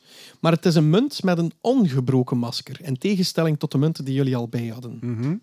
Maar ook wel een masker. Ja, En ik weet niet of we dat toen specifiek benoemd hebben, maar was dat dan datzelfde masker, gewoon zonder de barsten? Of, eh, ja, Ja, oké. ja. Ik kan dat nu zeggen, ja. Ja. Nu, terwijl dat er gekeken wordt naar die munt, begint Aradians spiegel raar te doen. Krijgt precies een eigen leven. Een paarse klauw trekt het zijn van Aradian uit de High Elf. Dus uit de High Elf Bard.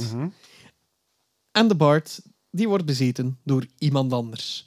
En die iemand anders die heeft al onze harten verwarmd.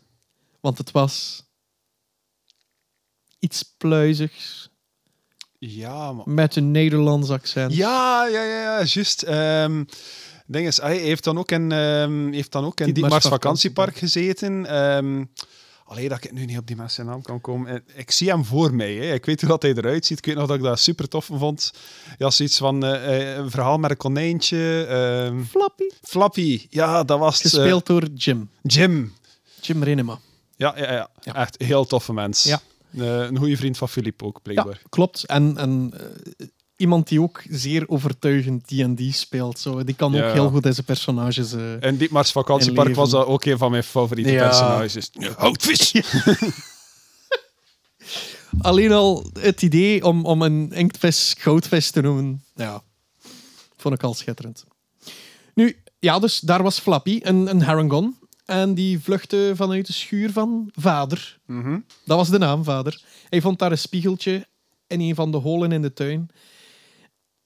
En floep, daar is hij. Ja, Floep, daar is Flappy. Ja. En hij vertelt jullie dat verhaal. En in plaats van te luisteren, zitten er een aantal van jullie het lijk van Kelar te bepotelen. Wat? Ja. Want iemand vindt er daar nog een, een plus 2 damage dolk op zijn levenloze lijk. En op het moment dat ze dat ervan halen, zien jullie een aantal boetjas Kelar meetrekken. Mhm. de, de gang verder in. Nu, Tonk, jij herinnerde u een aantal flessen met een vreemde emulsie in die je had gekregen. Ja, ja, ja. Ja. En jullie beslissen om verder door de gang, gangen te gaan. En daar worden jullie belaagd door bidspringkaanachtige wezens. Dietmar die gaat neer aan het begin van het gevecht en Eileen die probeert hem te redden. Je wou iets zeggen? Maar vooral eigenlijk dat mij van die tunnel gewoon nog herinnert dat we zo door iets vlezig ons moesten laten opzuigen gelijk en door de hang getrokken worden. Dat komt nog. Dat komt nog, ja, ja. Sorry, ik ben weer aan het vooruitlopen. Er komen nog heel wat vlezige gangsjes. Ik was vergeten hoe lang dat dit seizoen was. Dat is shit. echt zot. Ja, echt. Hoe ver zitten we nu? Eh, nu zitten we... Wow, we zitten al redelijk ver, hoor. Ehm, ik denk dat we nu aan episode 18 Ah zitten. ja, ik dacht wel, we moeten toch bijna aan het einde van dit seizoen zitten. Ja, ja, ja. Ja, ja. Nog zes afleveringen te gaan. Woe! Eh, waar zat ik nu? Even denken. Dus de Eileen die wou Dietmar terug erbovenop helpen, maar daar gaat Eileen neer. Tonk, jij beslist om hen te hulp te snellen en jij kast Arms of Hadar. Altijd een goed idee. Ja. Ja. Jij haalt daarbij bij een van die bedspringkanen neer. En in retrospect eigenlijk ook wel Eileen en Dietmar een fail, je bezorgt ze toch wel een fail op de dead saving throw. Maar ik heb dat toen niet gedaan. You win some, you lose some. Ja, I know, I know. Flappy die begint een van die wezens uit te schelden en dankzij de wombo-combo van Tonk en Flappy kan die geen reactie uitvoeren. Pip geneest haar stageleider en valt de bedspringkaan aan met de nieuwe gelijkroofde dolk. Sorry, wat zei Pip? Wat, wat deed Pip? Eh, haar stageleider genezen. Ah, haar stageleider. Ah oké. ja, dat was ja, ja. haar stagebegeleider, eh, Dietmar. Dietmar. Ja, Ja. En dan gaat ze meteen ook in de volle aanval en haalt ze de bedspringkaan neer met de nieuwe damage-doing dagger. Of Doom. Yes. voilà. Zo hebben we heel veel deze. Nu, jullie beslissen om daar dan ook opnieuw te rusten. En Flappy die houdt samen met Barry de wacht. Nu, tijdens die wacht passeren er wezens die geen aandacht besteden aan hen. Eh, als iedereen uitgerust is, lijkt het alarmsysteem continu af te gaan door wat microfoonproblemen in die aflevering. tik, tik, tik, tik. Wordt Oh continu. ja, juist. Ja. Eh, maar iedereen is blij om terug met full spelslots en health eraan te beginnen. Pip gebruikt de woorden komt goed tegen Dietmar en die kreeg daar plots kippenvel van. Moet daar nog altijd een keer een meme van maken trouwens. Eh, de helden moeten een keuze maken welke route ze nemen en uiteindelijk komen ze terecht bij een gigantische kever. TM, de mestkever. Oh ja. Oh, oh, ja. Ja, je zei het al mee? Ja, ja, ik weet wel eh, Mhm. ongeveer wat dat er gebeurt. Ja. Pip die probeert te communiceren met dat wezen. Want er waren eh, al een heleboel andere rare dingen gebeurd met die, met die mest, want die, die mestkever had al wat mest door de gangen gestuwd. Mhm. Waardoor dat er een aantal zo wat insane worden waren. Als ik me niet vergis, was Eileen zo eventjes buiten het bewustzijn. Stond ze daar stokstijf. Ja, ja, zo katatonisch. Ja, inderdaad. En ja, daardoor wou Pip eigenlijk contact proberen te maken met die kever. Dus Pip probeert daarmee te communiceren. En die hoort enkel een oplading. Zo.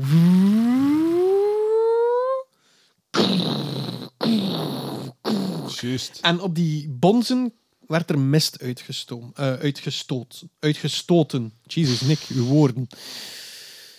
En nu komt die mist binnen bij Pip. En die werd inderdaad ook katatonisch en staarde voor zich uit. Oh, trouwens, ooit een real-time strategy game maken van EVT moeten die mestkevers daarin zitten als een unit dat ik kan bouwen. Ja, oké. Ja. Hmm. Writes it down. Oké, nu, Dietmar die werd behoorlijk pissig en vraagt aan iedereen of het oké is om zijn zwaard in de kever te planten. Schadenfreude die schiet in een blauwe vlam. Verwoesten is de boodschap. Maar dat lijkt niet zo gemakkelijk, zijn, gemakkelijk te zijn deze keer. Tonk probeert een zwakke plek te raken, maar zijn nieuw verworven, lichaamsdeel plooit telkens hij het wel priemen in het abdomen van de kever. Dat was die een arm? Ja, ja, ja.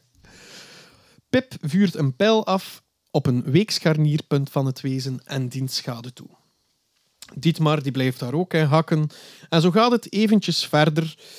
Eh, zoals bijvoorbeeld Flappy die de kever begint uit te schelden. Iets met een moeder en een donut. Maar dat leek de kever dan weer niet te deren. Er, er worden spreuken op afgevuurd. Eh, Pip maakt zich kwaad en begint te roepen om te stoppen met mis te maken. En ze mist in alle razernij bij de pijlen die ze erop afvuurt. De kever begint zich te verweren. Eh, hij begint te schudden met zijn achterste en met zijn poten slaat hij heen en weer en hij dient serieuze klappen uit. Dan kreeg Tonk een idee. Hij heeft een immovable rod. Een fantastisch idee. Een fantastisch idee. Hij wil de abdomen... De, hoe zeg je dat? De abdomale of de abdominabele? Abdominale. Oké, anders is het abominable waarschijnlijk. maar het is ook een beetje abominabel, maar kom. Hij probeert de abdomale opening open te houden. Abdominale. Oh god.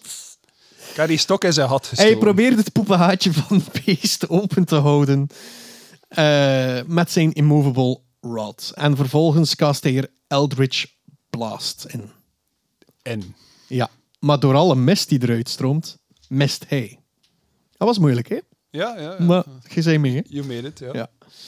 Daarna volgen een heleboel poepmopjes die zorgen voor hilariteit. Dietmar offert zichzelf op en springt in het achterwerk met een grote glimlach en een brandend zwaard. Hij hakt door de kever door en activeert het verdedigingsmechanisme van de kever. En dat dient schade toe aan iedereen. Dietmar hakt verder door en de mist lijkt hem niet te deren doordat hij zijn adem inhoudt en een mondmasker op heeft. Jullie hadden allemaal mondmaskertjes gemaakt. Juist, weet je ja, ja, ja. En die dag is er iets ontwaakt binnen in Dietmar. Ja, Ook hij had een nieuwe kink ontdekt. Flappy ook, want hij verhitte de immovable rods en diende zo nog meer schade toe aan de kever. Jezus, wat hebben wij gedaan met dat beest? Ja, echt. Dat was, eh, dat was behoorlijk pijnlijk wat dat jullie daar allemaal gedaan hebben. Nu, als Eileen nog meer schade toedient, grijpt de waanzin in. Zowel Eileen als Flappy staan stokstijf voor zich uit te staren. Pip vuurt pijlen af en één daarvan vliegt in de opening van de kever en treft, treft, en treft Dietmar. Als laatste wanhoopsdaad beweegt de kever heen en weer en zwaait hij zijn poten in alle richtingen. Pip denkt veilig te staan, maar een bezeten Barry viel haar aan. Juist. Ja, ja. God, die twee hebben eigenlijk al zoveel boel gehad. Ja, hè. Wat dan volgt is één van mijn favoriete momenten. Tonk wil Dietmar eruit helpen en gooit een van de signaalflessen in de kever om vervolgens zijn immovable rod eruit te halen en het wezen te doen exploderen door de massa olifantenpasta die gecreëerd wordt. Ja. Door heel veel goede rolls en ook een beetje door de rule of cool heb ik dat allemaal toegelaten. I mean, kom aan, op dat punt kun je ook niet anders zeggen dan... I ja, know, dood, maar had hè. ook al zoveel schade toegediend dat het er eigenlijk niet meer toe deed. Maar ja, dat was gewoon cool. Hè. En als, Zie, dat is dan... eh, Als, als Warlock is mijn utility qua combat redelijk beperkt. Is het vaak Eldritch Blast, oftewel mijn spells die heel veel chaos kunnen veroorzaken, like mijn Demons of Arms of Hadar of zo. Ja. Maar ik heb toch al een paar heel creative kills kunnen doen hè, doorheen Absoluut. mijn carrière. Absoluut. Ehm, dus ja, wij hebben geen Warlock, wij hebben ook een Warproc. voilà. Eh, nu, de mist gaat wat gaan liggen. En in de verte horen jullie... Gevolgd door een kogel die landt in de drap dat ooit een mestkever was. Dus eigenlijk, elke keer al dat jij zo'n fles geschud gehad en dat geactiveerd had, ging er een kogel afgevuurd worden. Ja, ja, ja, ik was mee, maar dat, dat niet veel voordeel voor ons, aangezien dat we in die tunnel zijn. Ja. Nu, jullie beslissen daar om nog wat verder te gaan verkennen. Wat komen jullie daar nog te weten? Dat er daar ook een eikamer was. Dat Kelar nog een klein beetje leefde. Ook al ging het gaan gloeien. Maar was het hij die leefde of zorgden de larven ervoor dat hij nog leefde? Geen idee. Ja. In de eikamer zien jullie dat er daar ook een of ander slijmerig wezen leefde, die een beetje de nurse was van de eggs, zou je kunnen zeggen. Die ook de boel verdedigde. En jullie hebben die ook behoorlijk creatief kunnen dooddoen. Ik zal het daarbij laten.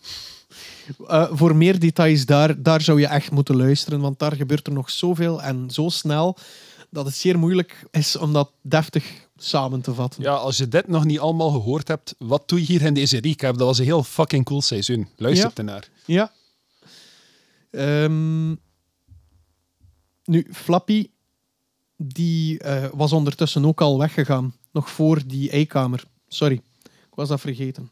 Het moment dat hij terugkeerde, beseften we dat kerstmes of krakmes nooit meer hetzelfde zou zijn. Ja. Mensen, ik ga dat niet spoilen, dat moet je echt beluisteren. Dat is... Cosima was toen bij jullie. Weet wel, dat was een persoonlijke vriendin van jou ook, eh Ray Baart. Ja, ja, ja, Ray. Ja. Ja, juist. Ah, dat was ook een heel goede Bart Ja. Die heeft er ook voor gezorgd trouwens dat we wat extra lore eh, hebben gecreëerd. Elven. Ah, ja, ja, ja, juist. Eh, dat was in haar aflevering, ja, het is juist. Ja. Zij, ja, had nog, zij was een satyr, dus ze had nog nooit voeten gehad. Het eerste wat dat ze deed, was haar schoenen afdoen om te kijken naar haar voeten. En ze had tenen. Er zat zes tenen aan één voet, zeker. Dus ze had Elf tenen. elf tenen. En dat is waarom dat ze elfen heeft. Voilà. En dat is canon in de Calidron Ja, ondertussen. voilà. En eh, nu, nu dat we daar toch over bezig zijn, ehm, is dat specifiek aan de linker of rechtervoet of kan dat random gebeuren? Hmm. Dat Ontdekt heel- op onze OnlyFans. Dat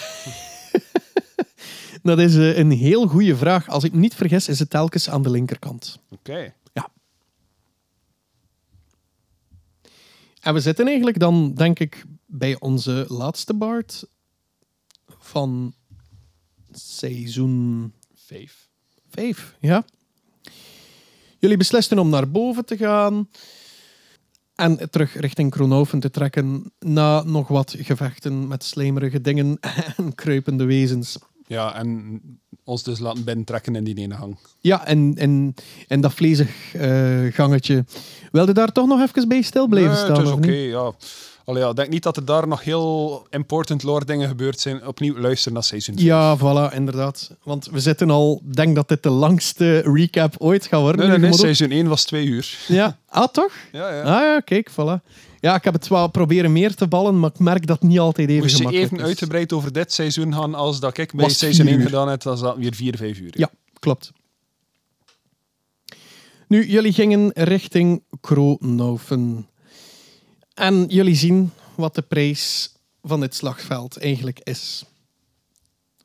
De grote kloof die als een schreeuw het landschap tekent, de talloze gewonden en doden, een kapotte Chico. Helaas. De, de robot van meester dingen. zeg. Ja, Eh, de, de, de construct, ja. Ja, ehm, voor wie dat dus niet naar de afleveringen luistert, die zat in seizoen 2. Ja, klopt. Ook Ludi is er zwaar aan toe. Zijn grote schild is verwoest en zijn linkerarm verloren. Hij deed dit voor Kronhoven. Met een arm. Nu, Dietmar heeft toen iets in gang gestoken waar dat hij misschien nu wel al spijt voor heeft. Want hij schenkt hem zijn eigen schild. Hij haalt er wel de stenen uit. En hij zegt tegen Ludi, Ludi, jij draagt vanaf nu de titel Het Schild van Kronhoven. Ja. En bij Tonk ging er toen een belletje rinkelen. Grani Stortregen die roept als steun aan de overlevenden een helende regen op. Dat is haar kracht als hoog dwerg. Au. En de regen komt. Dietmar die gaat zijn vader opzoeken terwijl, terwijl Eileen de soldaten helpt en heelt. Daarvoor krijgt ze een mees van een van de soldaten. Ze voelt dat dat wapen haar in het voordeel zal brengen in het herstellen van de balans. Nu, Tonk, hij zoekt uw oude meester Orsis op in de toren waar Dietmar ook naartoe loopt. Op deuntjes gespeeld door Cosima. Een meisje biedt Cosima een klaproos aan terwijl de heimwee naar haar thuiswereld groeit. Pip die zoekt in Kronhoven verder naar haar vader. De ziekenboegen die brengen wat info. Haar vader zou met nonkel Gerard, dat is de capybara van Glim, terug willen gaan naar Pastirius. De man leek echter verloren bij vertrek. Orsis die was extreem druk bezig met een kop van een van die mantiswezens te bekogelen met magie en dat lukte maar niet. Dietmar die stelt aan Tonk voor om vuur te gebruiken. En Tonk die zegt dat dan tegen Orsis. Het lijkt precies te werken, want ze merken dat er precies een haarfijn lijntje in de ogen fonkelt bij vuur. Ondertussen verklapt Tonk ook, nog een keer, dat Orsis een antiek winkeltje heeft in de hoofdstad. Maar is het Schabach of is het Pastierhaven of de hoofdstad van het Rijk van Sot? Hé, weet je nog hoe dat de hoofdstad van, de hoofdstad van het Rijk van Sot noemt? Salt City. Bod. Ah. B-O-D. Oké. Altijd zo gekend als Salt City. Ja. Als Orsis vraagt naar de arm die Tonk moest bemachtigen, krijgt hij iets anders in de plaats. Nu, het is ook wel een arm. Een mantisarm, Ja. een arm. Terwijl dit bestudeerd wordt, beslist Tonk maar om ja, iets te doen waar dat hij goed in is. Hè. Gries te kotsen over de insectenkop. Die wordt wat weker. En Orsis die priemt met het scharnier, die priemt met het uiteinde van het kort gedeeltje in de kop, tot aan het scharnierpunt. Dat zou een hele coole vuurstaf zijn. Ja, maar niet zo stabiel. Nee. En Tonk, hij stemde ook wel mee in, in dat idee. Verder deelt hij ook mee dat de complete ademmijner in handen is van de duistere elf. Orsis is beide onder de indruk, maar ook vervuld van angst. Hij deelt dan ook de info over de eeuwiggever, een grote hoorn, reliek des levens, Ja. en eh, van de balansbrenger, een scepter, reliek des balans, locatie ongeweten.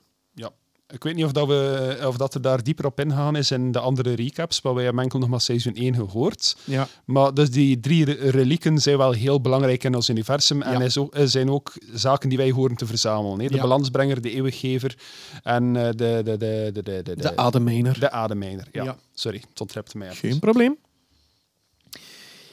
Elfen zouden die magie misbruikt hebben om ouder te, worken, te worden of onsterfelijk te worden. Hm? Orsis geeft nog mee zeker Ulbricht te bezoeken, want hij is in slechte staat. En daar gaat Dietmar richting Ulbricht. Hij negeert bijna Auwert. Ulbricht die ligt in bed, gewond, gebroken, met Elise zittend aan zijn zijde. Als Dietmar meedeelt dat Gwo zoek geraakt is tijdens het gevecht, komt er iets anders aan het licht. Ja. Elise is Preggers. Ja. Echt waar, Gwo. Wat je dan? Van de eerste keer is God in de roos. Ja, ja, ja. Nu, Elise is de roos van Krono. Sorry. nu, na een emotioneel vader-zoon gesprek over leiderschap en de goedheid in mensen, bla bla bla. Nee, nee, het was echt schoon. Het was echt schoon, sorry. Het was gewoon, maar we gaan skippen. Ja, nu, Ulbricht beslist dan ook om Elise tot Regina van Kronhoven te benoemen. Eh, Regina zijnde de vrouwelijke keizer. Ah, keizerin. Oké, Regina. Ja, nee, Regina echt eh, de, de benaming voor een eh, keizerin. Oké, ja, ik wist Ja. dat niet. Ja. En hij verzoekt Dietmar om nieuwe allianties te smeden om deze oorlog te winnen. Tijdens de dagen van herstel wordt de blacksmith nog bezocht en worden er nog wat titels rondgestrooid. Ik denk maar de dweil van Kronhoven, Het toilet van Kronoven. het toilet van Kronhoven. Maar ik weet nog, oh, ik vond dat zo jammer. Eh, dat was iets dat eigenlijk volledig geïmproviseerd was op dat moment. En we zijn een stuk van die opname verloren. Ik denk zo het laatste half uur Ja. of zo van die opname is er iets misgegaan. En we hebben dat een beetje moeten heropnemen. En we hebben die grap dan wel eh, terug een beetje spontaan proberen te brengen. Maar ja, ik vond dat jammer, want die eerste keer was zodanig spontaan. Het was echt gewoon zo... Elke keer het moment zelf proberen te improviseren van waar kan ik dat hier nu nog ergens tussen plooien. Ja. Eh, en ja, we zijn er daar een heel hoop van verloren, spijtig genoeg. Ja, Maar we wouden dat, jullie dat niet ontzeggen, omdat we het zelf eigenlijk ook heel grappig vonden. Voilà, dat klopt. Ehm, ondertussen zouden er geen hiccups meer mogen gebeuren technisch, want allee ja, laten we eerlijk zijn, we hebben redelijk wat geïnvesteerd in nieuw materiaal. Ja, ja, ja. Dat was dan ook een laptopprobleem. Nu hebben we geen laptop meer nodig om op te Voilà. nemen. En je zal het wel horen dat we hier al iets helderder zou moeten klinken Het dan zou in moeten. andere seizoenen. Ja. Ja. Zou toch zeker moeten. Ook een van de redenen dat we deze recaps hebben eh, eh, besloten op te nemen. Ja. Zodat we aan eenzelfde kwaliteit kunnen blijven eh, doorgaan. Voilà, inderdaad. Goed, nu tijdens die dagen van herstel wordt er ook nog ehm, allerhande bestellingen gedaan. Eh. Er wordt iemand tot Hamer van Kronhoven vernoemd. Nu, iemand die daar zeker bij blijft, is ook Suzanne. Kende Suzanne nog, Jens? Nee, geen herinneringen aan. Tonk, kende jij Suzanne nog? Nope.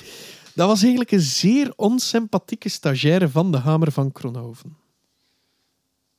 Dat was zo wat problemen met, met de Pip en, en die stagiaire.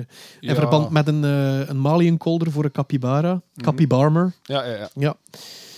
Nu, Tonk Wilde. Tonk wou Suzanne tot de zaag van Kronhoven benoemen om haar te provoceren. Maar Suzanne geeft een antwoord terug en daar is de spark. Oogcontact, een dankje en een koud gevoel van binnen zullen zeker nog zorgen voor meer intrige.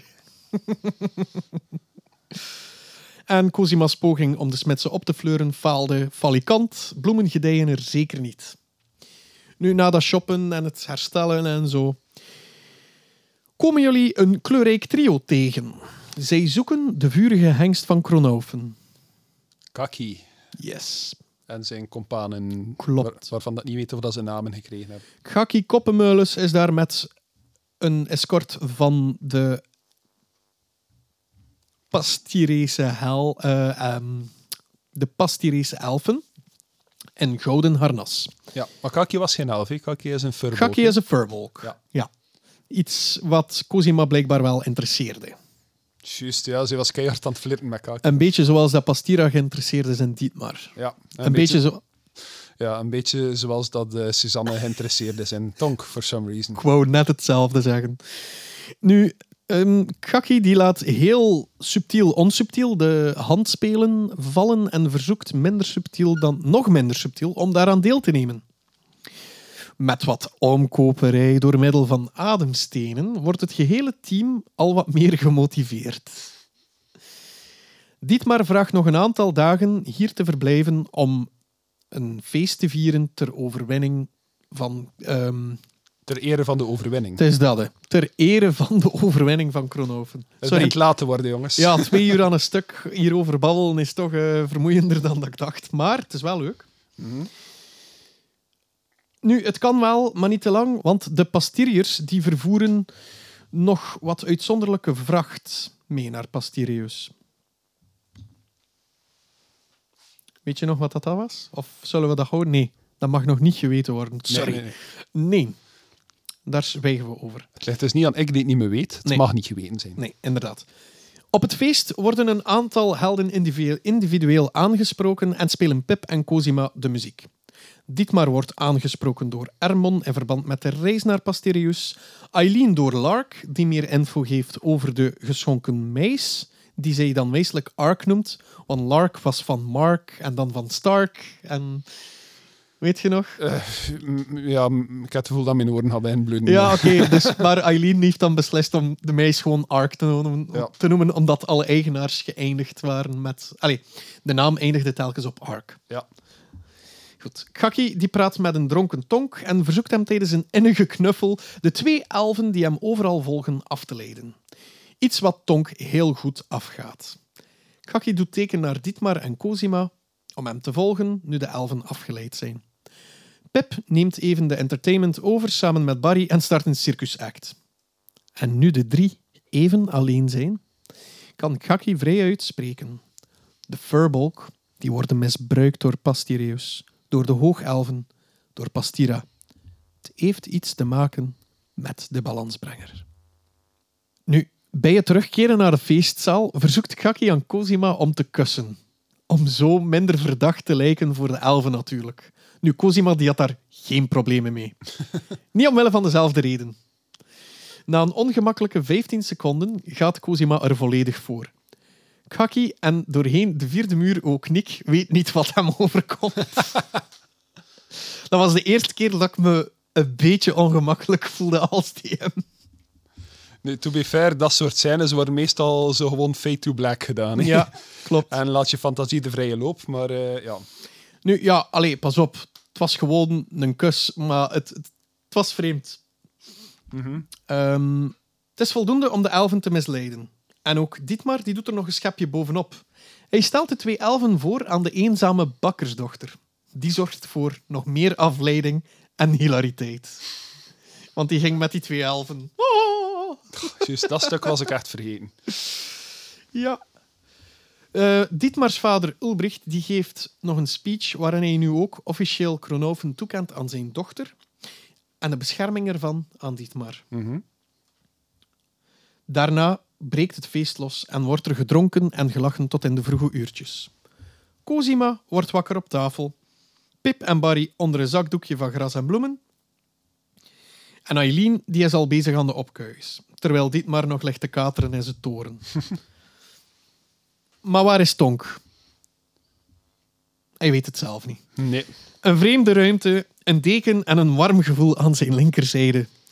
Die warmte komt van Suzanne, die tot over haar oren verliefd is op Tonk. Suzanne kan de wereld weer aan en is super vriendelijk naar iedereen toe en gaat hard werken om Tonk een thuis te bezorgen, zodat zij samen oud kunnen worden. Dat ziet Tonk echt niet zitten. Jij zag dat echt niet zitten. hè?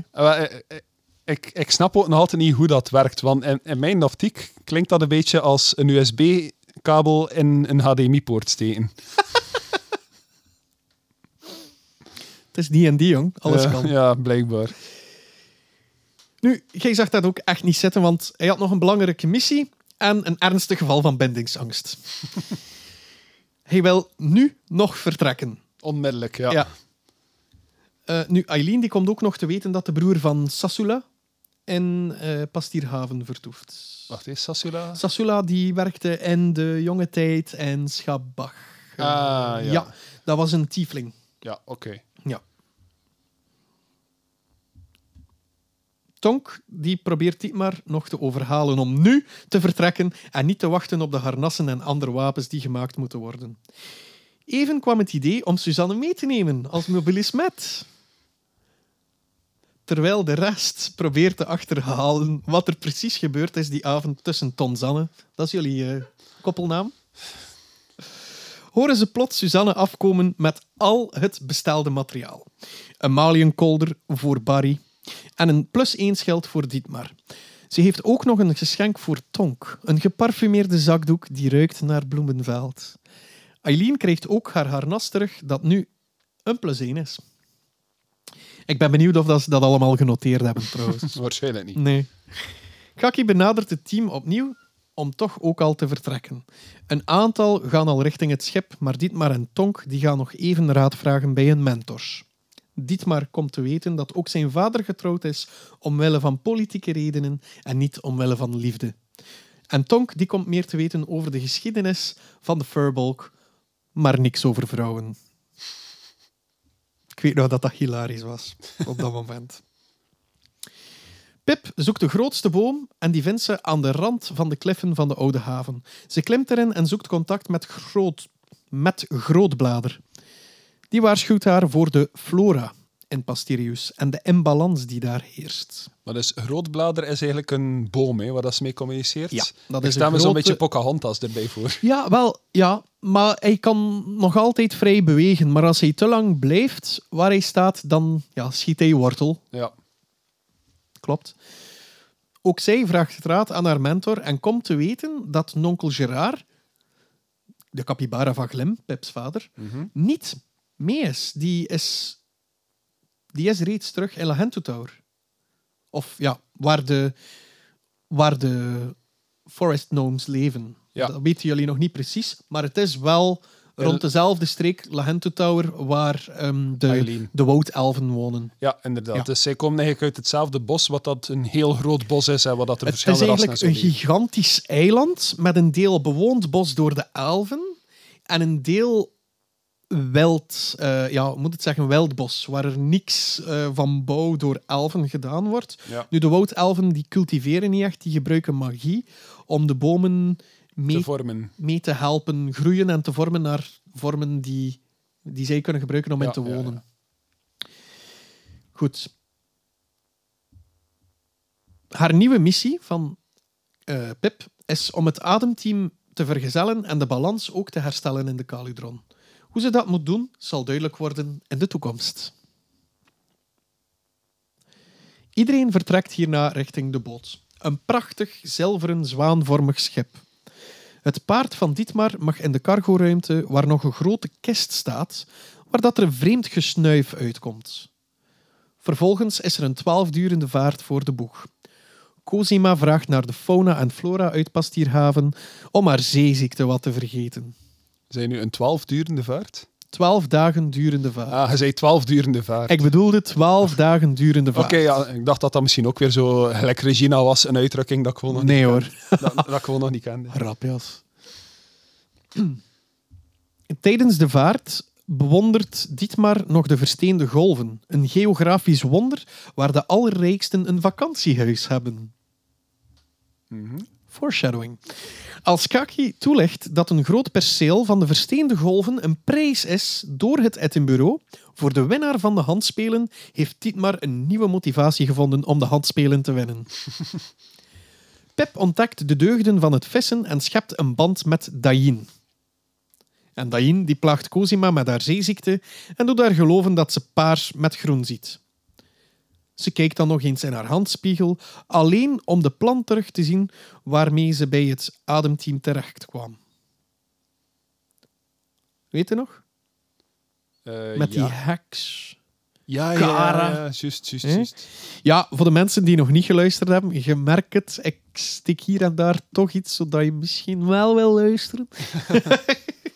Nee, maar het is zeker een aanrader om Ja. te luisteren. En ik zeg dat niet enkel omdat het een podcast is dat ik ook deel van uitmaak, maar het is een heel leuk seizoen. We hebben ons echt enorm geamuseerd. Zeker toen we terug in het echt op tafel konden dat was echt... eh, van, de- ja. Nee, ja, dat is... Ik, weet nog, de eerste keer dat ik daar echt wel zo... Ah, van. Zo eindelijk, ja. Ja. Maar we zijn hier nu ook mee gekomen eigenlijk aan het einde van een lang seizoen. De bootrit is nog niet het einde, maar het seizoen wel. Mhm. En wat seizoen 6 in petto heeft, zal voor 2023 zijn. Ja, die krijgt geen recap Nee. op dit moment. Ik zelf kijk al heel hard uit naar het verdere verloop en hoop jullie reacties volop te lezen en te horen. Want we gaan hiermee door tot het bittere eind. Hoe meer adem er hierin verdwijnt, des te sterker het team. Voilà, dus wij gaan door tot seizoen 20, wat dat aan deze trend eh, zeker 500 afleveringen gaat zijn. 2045 is dat. Ja. dat moet lukken. Dat moet lukken. Tegen dat we allemaal op pensioen zijn, is 11 voor 12 afgerond. Ja, dat klopt. Goed, eh, dan rest er mij niks anders meer te zeggen. Dan dank je wel voor jullie tijd. En eh dank u wel, om het, eh, ja, dank u wel voor het luisteren ook. Hè. Ja. Jens, heb jij daar nog iets aan toe te voegen? Eh, enkel nog dat eh, de dag dat deze recap uitkomt, dat binnen twee weken seizoen 6 zal beginnen uitkomen. Dus ik hoop dat we jullie allemaal een beetje hebben kunnen klaarstomen met eh, de vijf recaps die we intussen hebben uitgebracht. En dat jullie volledig klaar zijn om terug op avontuur te trekken met het Ademteam. Yes! Yo, tot dan! Bye! Bye! Donk! Wie, zijn jullie? Het komt goed hoor. Je doet dat goed, mijn zoon. Voor Kronelven!